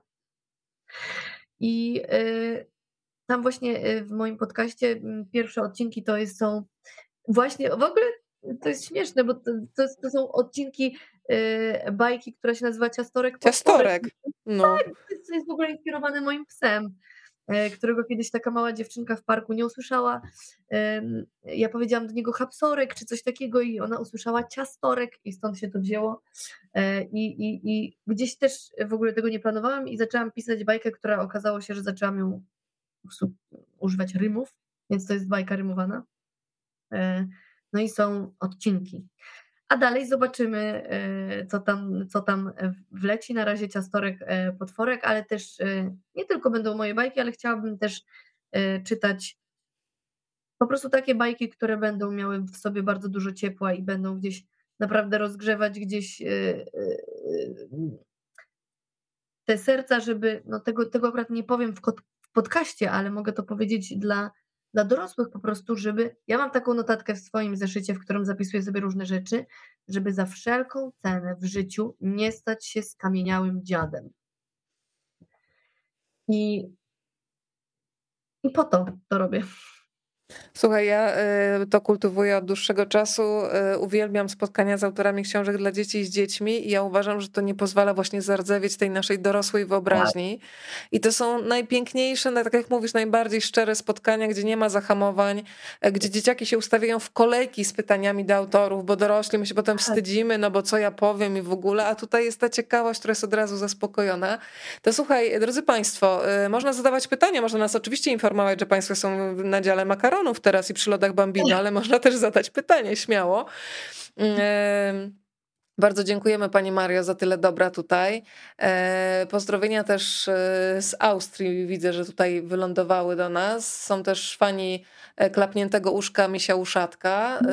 Tak, to jak najbardziej. A ja słuchaj, jeszcze pokażę Państwu Twoje zdjęcie z tatą i się zastanawiam, Jakie bajki z tego momentu, kiedy miałaś no mniej więcej tyle lat, e, ile na zdjęciu pamiętasz jakieś? Bo ja tak mam, że czasami wiesz, nawet e, zapominam historię w sensie fabuły, narracji, ale gdzieś odpalają mi się na przykład, wiesz co, ilustracje, e, które za mną chodzą, więc co ci zostało z takich kadrów, jak byłaś taka albo no, troszeczkę większa? Wie, wiesz co, właśnie ciekawe, że zadajesz teraz to pytanie, bo przy okazji tego podcastu ja w ogóle próbuję sobie przypomnieć, jakie były bajki, które zrobiły na mnie wrażenie, bo tak naprawdę ja myślę, że ja chyba najwięcej bajek w ogóle obejrzałam, jak już byłam dorosła i przeczytałam e, i dalej to robię. E, ale pamiętam, że miałyśmy taką, razem z Olą miałyśmy taką swoją ulubioną bajkę nie pamiętam teraz dokładnie, chyba to była Karolcia i Magiczny Koralik, coś takiego. O, kochałam! Ale wiesz, że poczytałam to potem po latach, to była chyba Maria Kruger i po latach już mi tak nie smakowało, tak? ale jak byłam dziewczynką, to po prostu uwielbiałam. Tak, tak. Wiesz, że ja właśnie teraz też zaczęłam to znowu czytać, bo, bo po prostu byłam ciekawa, bo pamiętałam ten tytuł i nie pamiętam kompletnie o czym to jest. E... Więc tak, więc to mi zostało na pewno w głowie, że to po prostu wałkowałyśmy na okrągło. Mm, no, na pewno się tam gdzieś przewijały, ale to już w kontekście bajek takich raczej do oglądania albo słuchania kaset z piosenkami, no to Smurfy, no bo stąd Gargamel i Muminki na pewno. Pamiętam, że Muminki to był w ogóle dla mnie jakaś depresyjna bajka. Ja wtedy pamiętam, że czułam w sobie taki dziwny, taką, no nie, taki jakiś żal w sercu, tęsknotę. Nie potrafiłam tego w ogóle jeszcze nawet nazwać, ale tak mi było smutno, jak widziałam tego Włóczykija czy kogoś, no, po, no depresyjne to we mnie stany o których nie rozumiałam. Ale wiesz co, to jest, ale widzisz jak, jakie to jest niezwykłe, jak dziecięcy radar przeczuwa, bo ja czytałam potem Muminki po biografii Tove Jansson, kiedy jakby zrozumiałam, że też te Muminki powstawały tak naprawdę w cieniu wojny, lata 40. i wszystkie te właśnie niepokoje, których nie rozumiałam, dlaczego czuję, nagle po lekturze biografii e, Tove Jansson zaczynało być dla mnie jasne, ale to jest tylko dowód na to, że nie musisz rozumieć w sensie takim właśnie dorosłym, mentalnym, co za tym stoi, ale wyczuwasz nastrój. To jest dla mnie nie do podrobienia. Tak. Tak, tak, tak. Patrzę tutaj, czy bo wydawało mi się, że były jakieś pytania, ale ja nie mam podzielonej uwagi. E, tutaj jeszcze tylko mamy, że też pani Małgosia pisze, że też czuła niepokój. E, nie ma lodów Bambina, słuchaj, szukał Krzysztof. To poproszę pytanie, jak nie ma lodów e, Bambino. To powiedz mi, skoro powiedziałaś o tych książkach dla dzieci, które teraz w wieku już dorosłym przeczytałaś ich w sumie więcej niż kiedy byłaś dzieciakiem, mm, to masz jakieś takie aktualne zachwyty książek, po które możemy sięgnąć, podpowiedzi może dla rodziców, albo po prostu dla tych, którzy nie potrzebują małego człowieka pod ręką, żeby to wewnętrzne dziecko swoje jakoś nakarmić. Wiesz co, no ja, ja wałkuję w kółko Małego Księcia. Ja jestem bardzo wierną fanką i nie będę tu oryginalna, ale po prostu, no ja Małego Księcia kocham całym sercem. To jest przepiękna bajka i e, nie mam nic więcej do zdania. Tutaj słowa są zbędne. Ale teraz po prostu, teraz też robię research, wiesz, taki właśnie, mhm. tak się orientuję, mm, co jest takiego fajnego, co mm, no co po prostu porusza gdzieś ważne tematy. Bo w gruncie rzeczy Małe Książę jest dla dorosłych. Bo ja niewiele zrozumiałam, jak byłam dzieckiem. E, także, e, także ja na pewno, na pewno, na pewno to. Natomiast sama też jak piszę, akurat nie w ciastorku potworku, bo to raczej jest taka bajka lekka, która ma tam jakiś morał na końcu, ale mm, raczej ma być no, moje ulubione słowo, teraz miała być zabawna. Nie wiem, jak to wyszło, ale zobaczymy. E, ale staram się też, jak piszę takie dłuższe bajki, które już nie są rymowane, może kiedyś e, będzie dane to przeczytać. Mam, na to liczę bardzo, bo mam jedną swoją ulubioną bajkę, którą napisałam i która też porusza temat e, na przykład śmierci i straty. I, i, I w ogóle ja lubię książki dla dzieci, które poruszają takie tematy, no bo no bo, no bo to nie, no, znaczy, no często to jest jakiegoś rodzaju temat tabu. Ja nie mówię, żeby y, teraz, nie wiem, dziecko y, konfrontować z sytuacjami, które są na przykład za trudne dla dziecka emocjonalnie, też nie jestem psychologiem i tak dalej, ale jestem na pewno fanką y, rozmawiania też o rzeczach niewygodnych, bo wiesz, też miałam spotkania w szkołach, mm, a propos mojej pierwszej książki Mania i czarodziejska bania, i, I, tam jest taka historia, że jest, jest taki potwór, który przychodzi e, do, do, do tego Królestwa Czarodziejskiej Bani i okazuje się, że on, wiesz, jest, jest agresywny bardzo w stosunku do innych, a potem się okazuje, że wcale tak nie jest, tylko robi to ze strachu po prostu, że nie zostanie zaakceptowany i, i, i, i że też się sam wychował czy coś tam. I, i wiesz, jak to dzieci poruszyło, no, no, no po prostu potem się posypały pytania, mówią, dzieci, nawet, nawet nie tyle pytania, co co, co, co, co były po prostu wygłaszane opinie, mówią, my wiemy dlaczego on tak, bo po prostu jego bolało w środku serduszko i wiesz, i po prostu ty mhm. siedzisz i jakby te dzieci nie chciały kończyć, one chciały o tym rozmawiać. Wiesz Jedna co, przypom... się odezwała na przykład, ja też się często tak czuję. Mhm. I wiesz, i co wtedy masz? I no to są tak nieprzewidywalne komentarze, że no, po prostu wiesz, że to prowokuje na przykład, że ktoś, że taka dziewczynka coś takiego mówi, nie, i na przykład mówi, bo ja też nie mam wielu przyjaciół. Tak. I jest mi z tym źle. Wiesz co, ja pamiętam takie spotkanie w Sopocie z Roxaną Jędrzejewską-Wróbel. Ona napisała taką książkę już trochę dla starszych dzieci, dla nastolatków, e, Stan splątania i tam też się pojawia temat śmierci. Pamiętam, że prowadziłam to spotkanie I było akurat dużo więcej takiej dorosłej publiczności. Jakoś tak zaczęłam, że w sumie dobrze, że są trochę starsi, to będziemy się mogli głębiej zanurzyć w temat. Porozmawialiśmy, skończyło się spotkanie i podeszła do mnie mama, którą zresztą teraz też widziałam w Sopocie podczas pleneru czytelniczego e, i jakoś zawsze ciepło o niej myślę i powiedziała, wie pani co, jak będą dzieci, to proszę też mówić o śmierci. I opowiedziała mi swoją historię, e, gdzie straciła swojego męża, męża kilka lat wcześniej, jako młoda kobieta, myślę, że przed czterdziestką. E, I właśnie ta jej córeczka bardzo potrzebowała takiej historii, że chciała właśnie w książkach, w bajkach, w rozmowach zobaczyć, że są właśnie takie dzieci jak ona i że może w końcu powiedzieć o tych wszystkich emocjach to, co mówisz, bo e, czasami nam się wydaje, że chcemy ludzi ochronić, ale tak zdałam sobie sprawę, że właśnie niechcący, mając dobre intencje, można komuś zakleić usta, żeby on nie mówił, no bo to jest takie straszne. Ale kiedy te, tą straszną rzecz się z siebie wypuści i się okaże, że, że to nie jest tylko nasze doświadczenie, to jest po prostu e, trochę łatwiej. W dorosłym życiu z tym, co mówiłyśmy o tych, nie wiem, stanach lękowych czy roztrzęsień, tak. właśnie widzisz, no jakby całe życie się tego szuka, no bo, mm, bo szukasz potwierdzenia, że Inni też tak mają, to jest ludzkie, a nie, że coś jest z tobą nie tak. Mhm. I, i, I to po prostu wniosek z tego jest taki, że po prostu o, o tym, co jest ludzkie, po prostu się powinno mówić, bo jesteśmy ludźmi. I masz serduszko od pani Zdzisi właśnie za to, co powiedziałaś najprawdopodobniej. E, pani Irena ma do ciebie pytanie. E, które ze spotkań przy pisaniu książki było dla ciebie najbardziej zaskakujące? No to właśnie było to spotkanie e, z, z Andrzejem Urbańskim, który był producentem najpierw e, chyba w Polsacie, potem w tvn Oni robili jakieś takie krótkie programy.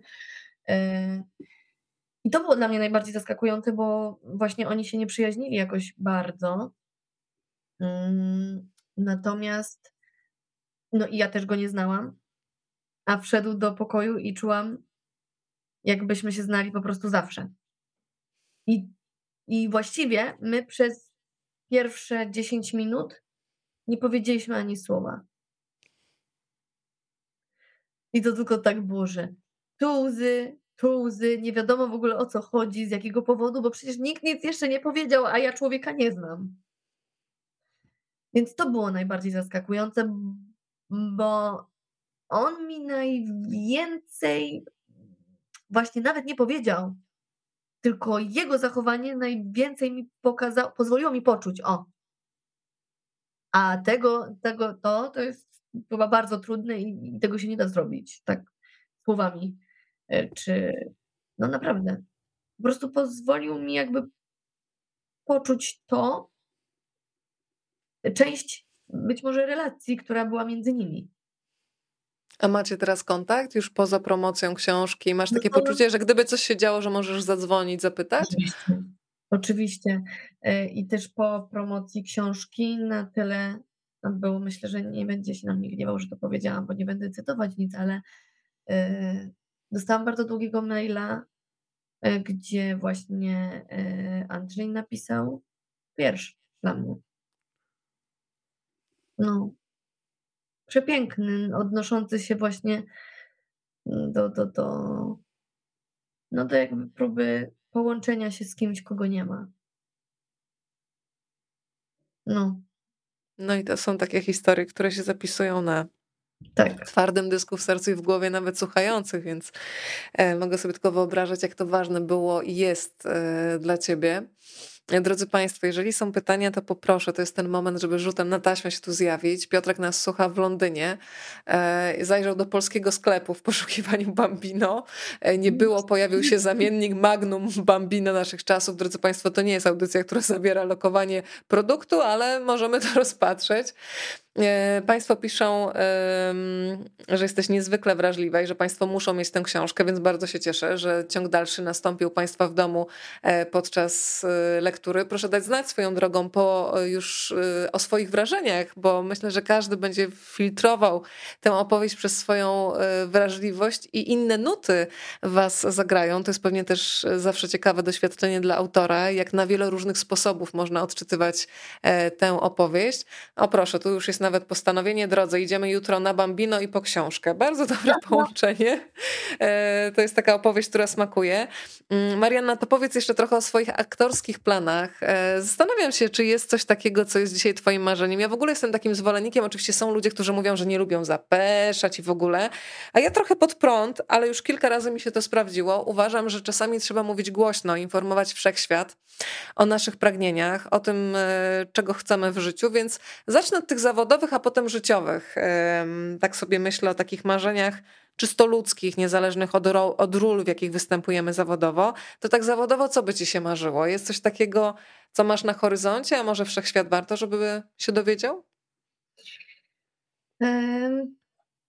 No, mam, mam jakieś takie swoje marzenia, które tam sobie wizualizuję w głowie, ale szczerze ci powiem, że ja jestem tak jakby otwarta na wszelkiego rodzaju doświadczenia w tym zawodzie, mm, który jest trudny i jest fajny, jak masz pracę. Jakiej nie masz, to jest gorzej. E, więc ja po prostu jestem otwarta na to, żeby mieć tę pracę, może tak. Więc nie, nie wybrzydzam tu absolutnie, każde doświadczenie jest dla mnie fantastyczne. Natomiast oczywiście, że marzy mi się zagrać um, no coś, co będzie dla mnie wyzwaniem, a jednocześnie co gdzieś będzie e, blisko mnie, to znaczy emocjonalnie, nawet nie chodzi o historię, nie, ale że podobne uczucia, e, które są mi znajome, które potrafię zrozumieć, gdzie potrafię zrozumieć cały ten proces i czasami tak się zdarza, nie, że dostajesz po prostu rolę, która bardzo z tobą rezonuje. E, no i też mnie bardziej interesują jakieś takie dramatyczne rzeczy niż być może też mam, mam takie poczucie, że nie, nie jestem miniasta ani zabawna. E, I więcej rzeczy robię takich poważnych, aczkolwiek też, no właśnie, a może właśnie też, wiesz, by było fajnie się sprawdzić w czymś takim, w ogóle zobaczyć, jak, jak to by wyglądało. E, póki co, no to, to, to, to, to jestem w spektaklu, który też wyprodukowałam wyprodukowała moja firma. E, w gościnnie gramy w Teatrze Studio i też jesienią będziemy grać, więc też serdecznie zapraszam. Spektakl Papugi. E, trudny, uprzedzam. To nie jest taki spektakl, że przyjdziemy, e, nie wiem, w niedzielę na zakończenie tygodnia się pośmiać. Także uprzedzam, jeżeli ktoś by miał taki pomysł, ale spektakl jest krótki na dwie aktorki o takim właśnie no myślę, że nawet, nawet nie tyle moim pokoleniu, co jeszcze młodszym, e, które nie bardzo potrafi się odnaleźć w dzisiejszych czasach. I no bardzo dużo w ogóle e, wątków, które my poruszyłyśmy dzisiaj też jest tam obecnych, także, także zapraszam serdecznie, bo tam właśnie jest to spektakl w reżyserii Tadeusza Łysiaka, który jest prywatnie e, moim i drugiej aktorki Dominiki Sakowicz kolegą ze szkoły e, i, i też robi fantastyczne rzeczy i razem coś takiego stworzyliśmy, więc ja ciągle się kręcę jakoś w takim czymś, że próbuję może tak patetycznie mówiąc zawalczyć o to, żeby coś, co mnie kręci, mogło być też moją pracą, co jest z reguły trudne, ale ale wiesz co, też dobrze, że, ale dobrze też, że o tym mówisz, Marianna, bo ja mam wrażenie, że wiele osób też marzy o aktorstwie i wydaje się, że to jest właśnie takie życie łatwe, po prostu, że jesteś na świeczniku, że masz popularność i tak dalej. E, a o te role, to wszystko cały czas trzeba zawalczyć. To też jest czasami kwestia nawet nie ciężkiej pracy, a przypadku, szczęścia. E, bardzo często uczy się te młode pokolenia, że jak będziesz ciężko pracował, to na pewno osiągniesz sukces, a wcale nie zawsze tak jest. Oczywiście, że za, za tym, że ktoś jest dzisiaj rozpoznawalny, stoi ciężka praca, ale czasami potrzeba też szczęścia, jakiejś koincydencji, jakiejś człowieka, który nagle cię połączy z kimś, więc e, dobrze, że też mówisz, że to jest bardzo trudny zawód i też taki myślę, że sprzyjający różnego rodzaju frustracjom.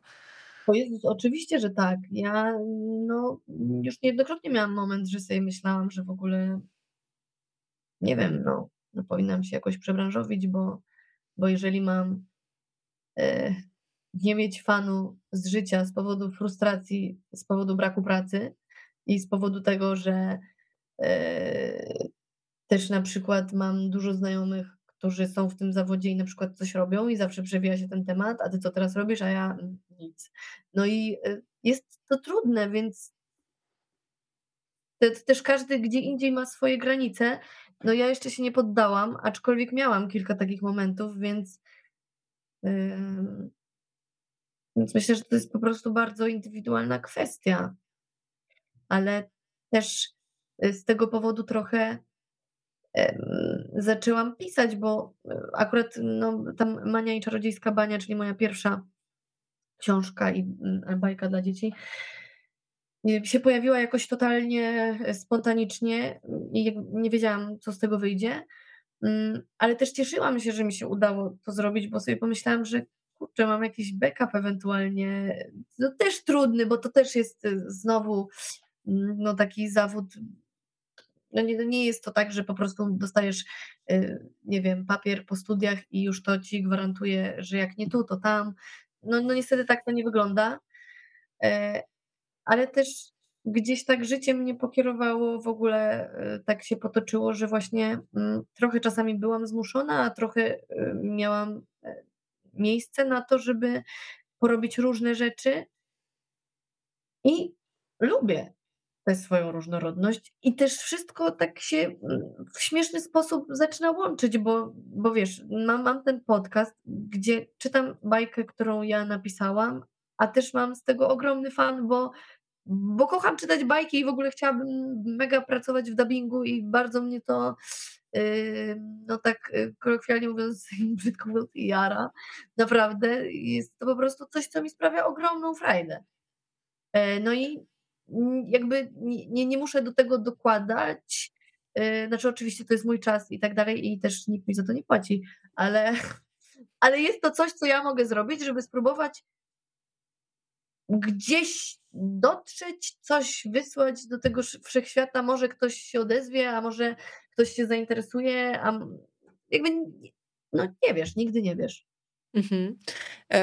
Agnieszka napisała, widzę i czuję, że pani Marianna to nazwisko i osobowość do śledzenia. Watch the Space, bardzo jestem ciekawa jej książki i tego, jaką ścieżkę sobie wydepczesz. E, Małgosia napisała, poszukiwanie jest drogą, życzę, żeby ta była przyjemna, proszę robić swoje i iść za głosem serca. E, pytanie jeszcze od Jolanty, skąd u ciebie Marianna i u twojej mamy taka ogromna siła życia, prawda, istnienia?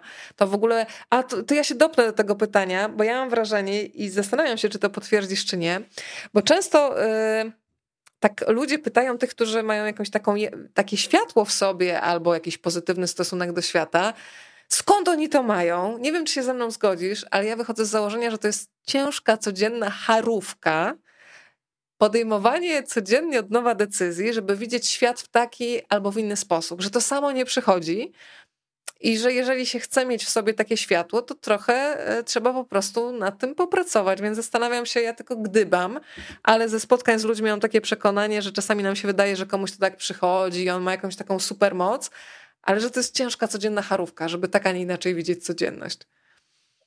Um, tak, zgadzam się z Tobą, aczkolwiek chciałabym zaznaczyć, że ja nie zawsze Zawsze byłam taka jak teraz. E, to są, to, to, to, są, to są doświadczenia, czasami e, długie okresy wylewania potoku łez i za sprawą tego gdzieś powoli świadomej decyzji mm, próby zmiany sposobu patrzenia na życie, zmiany punktu widzenia. Wiesz, kiedyś też mi się tak wydawało, że właśnie e, ta praca to jest taka, taka właśnie, no, że to jest takie ważne, że w ogóle to e, o mnie świadczy, czy ja mam tę pracę w zawodzie, czy nie, że to świadczy o moich umiejętnościach, że w ogóle to ja powinnam chyba komuś coś udowodnić, a w ogóle to sobie najlepiej. No i jakby to jest bardzo długa droga, którą ja wciąż nadal przechodzę i no zajęło mi to chyba, kurczę, nie skłamię jak powiem, że no nie wiem, 27 lat życia, żeby w ogóle w pewnym momencie zrozumieć niektóre rzeczy i wydaje mi się, że tego procesu się też nie da przyspieszyć, że to się wszystko wydarza wtedy, kiedy ma się wydarzać. I ja na przykład miałam takie półtora roku w swoim życiu, że byłam strasznym smutasem. Ja byłam tak sfrustrowana brakiem pracy, brakiem. Nie, no w ogóle nie widziałam żadnych perspektyw. W ogóle uważałam o sobie wszystko, co najgorsze.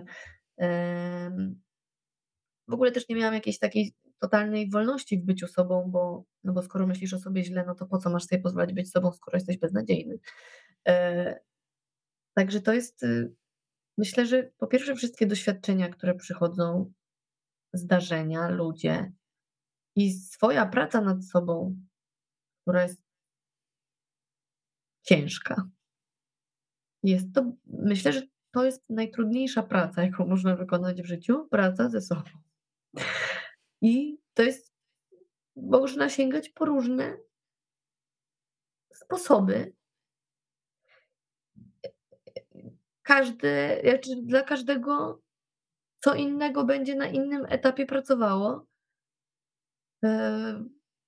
No ja bardzo dużo tych sposobów już przerobiłam i nadal przerabiam. I, i, i, no i to jest chyba wynik po prostu tego, że w pewnym momencie, jak się wykonuje taką pracę, to gdzieś już się jest, być może ja tak miałam na takim etapie, że mogłam, że świadomie uwierzyłam w to, że jestem w momencie, kiedy to naprawdę jest już moja decyzja, że ja jestem na tym zakręcie, że mogę się przeswitchować w sposobie myślenia. Ale kiedyś wydawało mi się... Do cholery coś być musi za zakrętem, że zacytuję fragment ze zmienników, nie? No. Myślę, że to e, czas doświadczenia i, i praca, ciężka praca, a przede wszystkim no w ogóle konfrontacja ze sobą. A przecież większość, przecież w większości uciekamy całe życie przed sobą. E, wiem, bo też to robiłam. Myślę, że mm. dużo osób to robi. Także mm, Także tyle do, mam do powiedzenia w. Wiesz, ja tego kiwam głową, ponieważ sama się łapię na tym, mm, e, na takim pracocholizmie, który właśnie czasami e, jest ewidentnie ucieczką od siebie. Przypomniały mi się kiedyś całkiem niedawno słowa Jerzego Śladkowskiego, świetnego dokumentalisty, który na warsztatach z dziennikarzami powiedział coś, co brzmi w mojej głowie jak ostrzeżenie i lubię sobie przypominać i wtedy gdzieś pojechać właśnie albo na wieś, albo po grzebach w ziemi, albo posadzić rzodkiewkę, albo pocieszyć się jak rośnie tulipan, bo powiedział, że w takich zawodach zawodach jak aktor, reżyser, dziennikarz, czyli zawodach, gdzie cały czas się spotykasz z ludźmi, zanurzasz się w różne światy, bardzo łatwo jest przegapić własne życie. E, I lubię sobie to przypominać, żeby mieć jakąś taką swoją kotwicę. I to, o czym mówiłaś wcześniej, żebyś też tak nie fiksować na tym, e, co właśnie akurat robię zawodowo, e, bo, bo, też mi jest bliskie to pytanie, że wchodzisz gdzieś, a jaki masz projekt, a co teraz robisz, tak. a z kim się. I że bardzo łatwo wpaść w taką no pułapkę, no że przecież. w pułapkę, że to w takim razie cię definiuje, skoro tak, takie tak. A przecież y, oczywiście, jak sobie siądziesz spokojnie, to jest to bzdura, nie? Nie, nie mam żadnego projektu na przykład przed sobą, no to ja już się robię czerwona już, już w środku, wiesz, wszystko dygocze, już sobie myślę, o, nie chcę kłamać, ale teraz ja muszę powiedzieć nic, a ty? A ja milion rzeczy i wiesz, E, znaczy nie, nie mówię jakby, to tak, nie tak. jest tak, że, że osoby reagują złośliwie czy cokolwiek, ale już to, co ja sobie poczułam i co sobie pomyślałam w związku z porównaniem się, że ktoś ma pracę, a ja jej nie mam, już jest, no już coś mi robi w środku, nie? Ale ja też już się nauczyłam, no to jest, to jest też praca ze sobą, nie? Tak. Też już to zależy ode mnie, jak, jak odbiorę rzeczywistość. To są wszystko moje reakcje, a nie, że Słuchaj, rzeczywistość tak wygląda. To jeszcze widzę tutaj. Ja sobie odbiorę, no. Tak. Widzę jeszcze pytania. Pan Krzysztof, ten, który nam się zagubił wśród makaronów, e, nie dosłyszał e, o podcaście, więc musimy tutaj powtórzyć dla tych, którzy na chwilę stracili uwagę, ale rozumiemy w dziale z makaronów tyle różnych tutaj e, spaghetti, tutaj rurki, tutaj kokardki, więc słuchałbym. To, to podpowiedz jeszcze Krzysztofowi, gdzie macie znaleźć. Panie Krzysztofie, podcast nazywa się Bajeczna jest z bajkami dla dzieci, uprzedzam, ale zapraszam, wszystkich zapraszam. Jest dostępny na Spotify'u i na YouTubie. Można też śledzić mój profil na Instagramie Bajeczna Podcast. I tam wrzucam co czwartek nowy odcinek. To pani Wanda jeszcze cię dopytuje konkrety. Czy to w planach jest napisanie kolejnej książki? Trochę już ten wątek się przewijał, ale jeszcze uściślimy dla tych, którzy jeszcze dopytują. E, nawiązując do tego, co ty powiedziałaś, e, czy, że, że, że, że, czy, czy, czy, czy, czy, czy napiszę książkę na przykład o kimś e, innym, o, o człowieku innym i tak dalej, który już nie będzie mi bliski, a być może będzie w ogóle nieznany, to nie myślałam o tym. Wiesz, ja, ja mam kilka swoich zeszytów, w których tak sobie coś tam skrobię i niewykluczone, że kiedyś coś z tego złożę, e, ale myślę, że to też będzie długi proces i zanim ja w ogóle dojdę do takiej opinii o sobie, że mam coś do powiedzenia i że jeżeli to nie będzie książka o kimś, tylko o tym, co ja myślę, to zanim myślę, że zanim będę w stanie uwierzyć w to, że, że może ktoś będzie chciał to przeczytać, to jeszcze trochę czasu minie. Ale e, zapisuję sobie wszystkie swoje pomysły. E, no na razie, na, na razie nie planuję. Na razie, na razie się skupiam na tych bajkach, bo gdzieś mi to jakoś mam, mam w miarę e, dużą łatwość i, i na pewno i sprawia mi to ogromną przyjemność, więc i czuję się też w tym dobrze. A tu I to jest, jest najważniejsze. No. Ale Słuchaj, uważam, że coś jeszcze kiedyś na skorobie. Powiedziałaś o tym notesiku, Państwo sobie też notują zdania od Ciebie. O, właśnie padło ważne zdanie. Praca nad sobą z prac, ta jest najważniejsza. Też sobie będę to przypominać, żebyśmy się właśnie nie definiowali przez te projekty, ale jeżeli praca, to ta, ta, ta nad sobą, nie? To ładnie powiedziane, ty tak powiedziałaś, moja droga. To ciebie cytują. Nie, to pani Małgorzata powiedziała, że to jest najważniejsza sprawa. Naprawdę, no. Państwo tutaj, o, e, Państwo sobie tutaj dziękują, dziękują, tak, Pani czeka na książkę e, o dziadku, więc e, słuchaj, no, nie, nie, nie wykluczamy, ale też nie potwierdzamy. Marianna, to słuchaj, życzę Ci wszystkiego dobrego, trzymam za Ciebie kciuki, a na koniec chciałabym się od Ciebie dowiedzieć, co Cię najbardziej pociąga w ludziach. Gdybyś miała wymienić taką jedną cechę, która zawsze na Ciebie działa jak, nam, jak magnes, po prostu Cię przyciąga, to na co byś postawiła?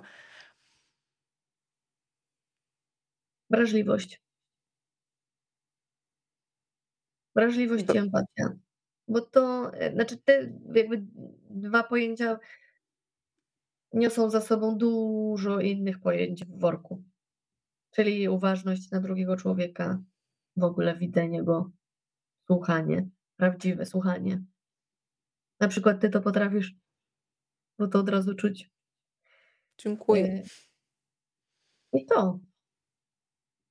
Bo, bo po prostu wrażliwość moim zdaniem ma w sobie wszystkie te rzeczy. W sensie to są po prostu e, pojęcia gdzieś tak bliskie, które wzajemnie się pochłaniają. Wrażliwość, empatia, uważność na drugiego człowieka.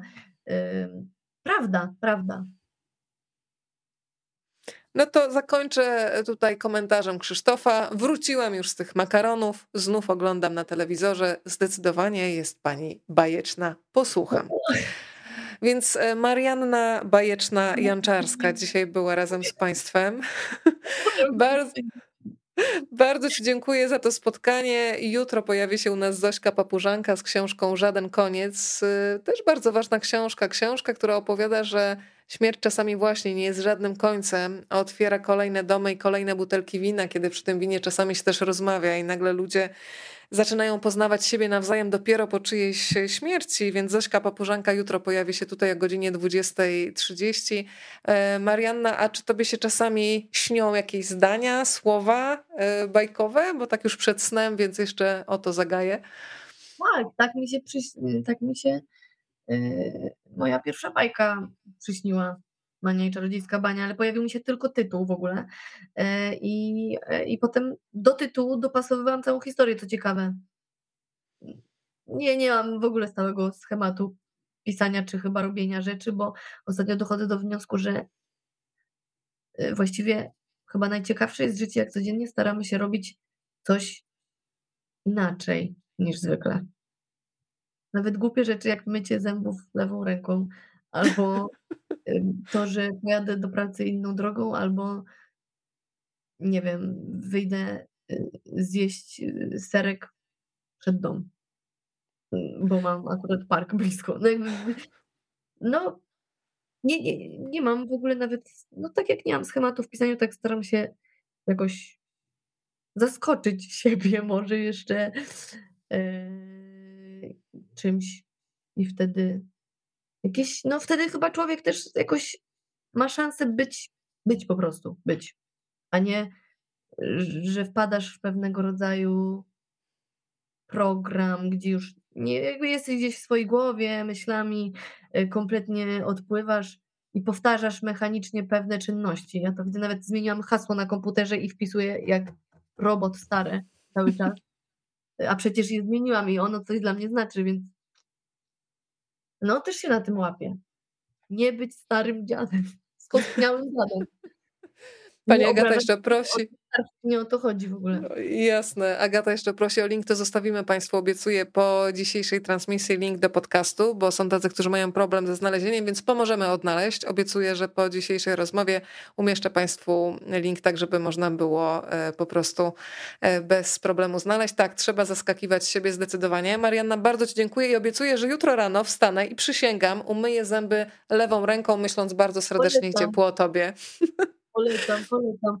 Bardzo dziękuję. Jeszcze tylko chciałam nawiązać, bo tutaj ktoś napisał, już nie pamiętam, ale ktoś napisał, że wrażliwość jest uważana za słabość. No to mm, no dla mnie to jest największa odwaga, jeżeli ma się odwagę być prawdziwym i korzystać z wrażliwości. Ja uważam, że to jest największy dar, jaki może dostać człowiek. Myślę, że pani Jana też się z tym zgadza, bo napisała, tak. że czasami jest nie uważana tak, za słabość. Tak, ale, no to jest, ale to jest w ogóle dla mnie strasznie niezrozumiałe często. Po prostu nie chcę mi się tego nawet komentować. No. Słuchaj, będziemy czerpać z Twojej wrażliwości. Po prostu nakarmiłaś nas dzisiaj dobrym słowem i ciąg dalszy e, nastąpi. Drodzy Państwo, stołówka bajeczna na Państwa czeka. Proszę się częstować, odbierać swoje porcje. E, a ja mam nadzieję, że szybko nam się zdarzy. Tutaj też rozmawiam, bo lubię repeta. Marianna, znajdziemy pretekst. Ok? Jesteśmy umówione. Dobrze, dziękuję bardzo. Było super. Ja dziękuję, Jacek Janczarski i tak dalej, i tak dalej. Polecamy Państwu i proszę potem się odezwać do Marianny z wrażeniami, bo tak jak wspominałam, tak, każdy ja filtruje bardzo... trochę przez siebie. Tak, tak. Ja bardzo, bardzo jestem wzruszona za każdym razem, jak dostaję jakieś e, jakiekolwiek wiadomości. E, wiem, ja czasami też mam w sobie takie, mm, nie wiem, opory, że wiesz, że nie napiszę do kogoś, no bo głupio, no bo się nie znamy, ale ostatnio zaczęłam to robić i to do takiego stopnia, że nawet potrafię kogoś zaczepić na ulicy i powiedzieć, o, ale pani ładnie pachnie. I wiesz, jak to komuś też zmienia, też należy o tym tak. pamiętać, tak. bo nie robimy takich rzeczy, które wychodzą poza schemat, ale Boże, wielki mi schemat, że komuś powiesz komplement, bo tak czujesz. Nawet nie masz pojęcia, że możesz komuś zrobić dzień tym. A masz ten odruch, to nie jest na zasadzie, dobra, wyjdę teraz żeby siebie nakarmić swojego, że jestem taka fantastyczna, to ja teraz będę wszystkim mówić, że są piękni. No nie, chodzi mi o coś takiego naturalnego, co samo przychodzi. Więc, więc jeżeli ktoś ma taki odruch, to naprawdę proszę pisać, bo to jest, to jest dla mnie niesamowite. To słuchajcie, umówmy się wszyscy, jak tutaj jesteśmy. E, każdy z nas jest w innym miejscu, w innej przestrzeni, w domu, w innym mieście ale że jutro, y, było to zresztą w książkach chyba Małgorzaty Musierowicz, to się nazywało eksperymentalny sygnał dobra, czyli że właśnie takiej nieznajomej osobie powiedziało się coś miłego albo się uśmiechnęło nagle. Więc słuchajcie, nawet jeżeli ktoś jest nieśmiały i generalnie nie robi takich akcji, nazwę to kolokwialnie, bo ma jakieś opory, to jutro przynajmniej do jednej osoby przełamy jakąś swoją nieśmiałość czy opory, i jeżeli oczywiście tak poczujecie, nie, że tam na siłę będziecie szukać, ale jeżeli ktoś wam się spodoba, ładnie zapachnie, powie coś fajnego, jest świetnie ubrany, świetnie wygląda, zróbmy to. Jutro będę szukała pretekstów i to też jest zadanie, żeby szukać pretekstów, bo nie zawsze, jak się nie uda dzisiaj, to może do końca tygodnia Państwu czas przedłużam i proszę się podzielić wynikami e, tej spontanicznej akcji, za którą jest odpowiedzialna Marianna. Chociaż wydaje mi się, że jak się jest bardzo uważnym i obecnym, to jest to niemożliwe, żeby w ciągu dnia nie znaleźć pretekstu. Słuchajcie, do dzieła i ja będę Państwu też wdzięczna, jeżeli po tej akcji, którą wykonacie, podzielicie się wrażeniami. Rozmawiam, bo lubię małpa gmail.com. Można pisać oczywiście też do e, Marianny na Instagramie, na Facebooku. E, powymieniamy się wrażeniami i trochę się tym pocieszmy, bo skoro czasami w świecie tego dobra brakuje, to trzeba e, uruchomić tutaj produkcję w tej fabryce. No, tak, to jesteśmy umówieni. Bardzo wdzięczna, bo przy okazji tej książki naprawdę no, mam okazję nawet odbyć taką rozmowę jak dzisiaj i dla mnie naprawdę, uwierz, że dla mnie to też jest niesamowite. Bo ja czasami mam wrażenie, że, że, że jestem w ogóle kosmitką. No. Jesteśmy w tym samym kosmosie, w tej samej galaktyce i zobacz, ile tu kosmitów. No, to jest miłe. To jest miłe się odnaleźć na chwilę w tej samej e, galaktyce i na tej samej planecie z ludźmi, którzy po prostu rozumieją, o co chodzi. Statek, Czyli ten statek kosmiczny szczęśliwie wylądował na planecie Ziemia i niech kosmici tutaj jak najbardziej pączkują i, i, i trochę spokoju, łagodności e, i wrażliwości po prostu rozdzielają po świecie. Bardzo dziękuję. Marianna Janczarska, życzę wszystkim spokojnej nocy i do zobaczenia jutro na pokładzie tym kosmicznym o 20.30. Do zobaczenia. Dziękuję Ci bardzo. Dzięki, dzięki. Do widzenia.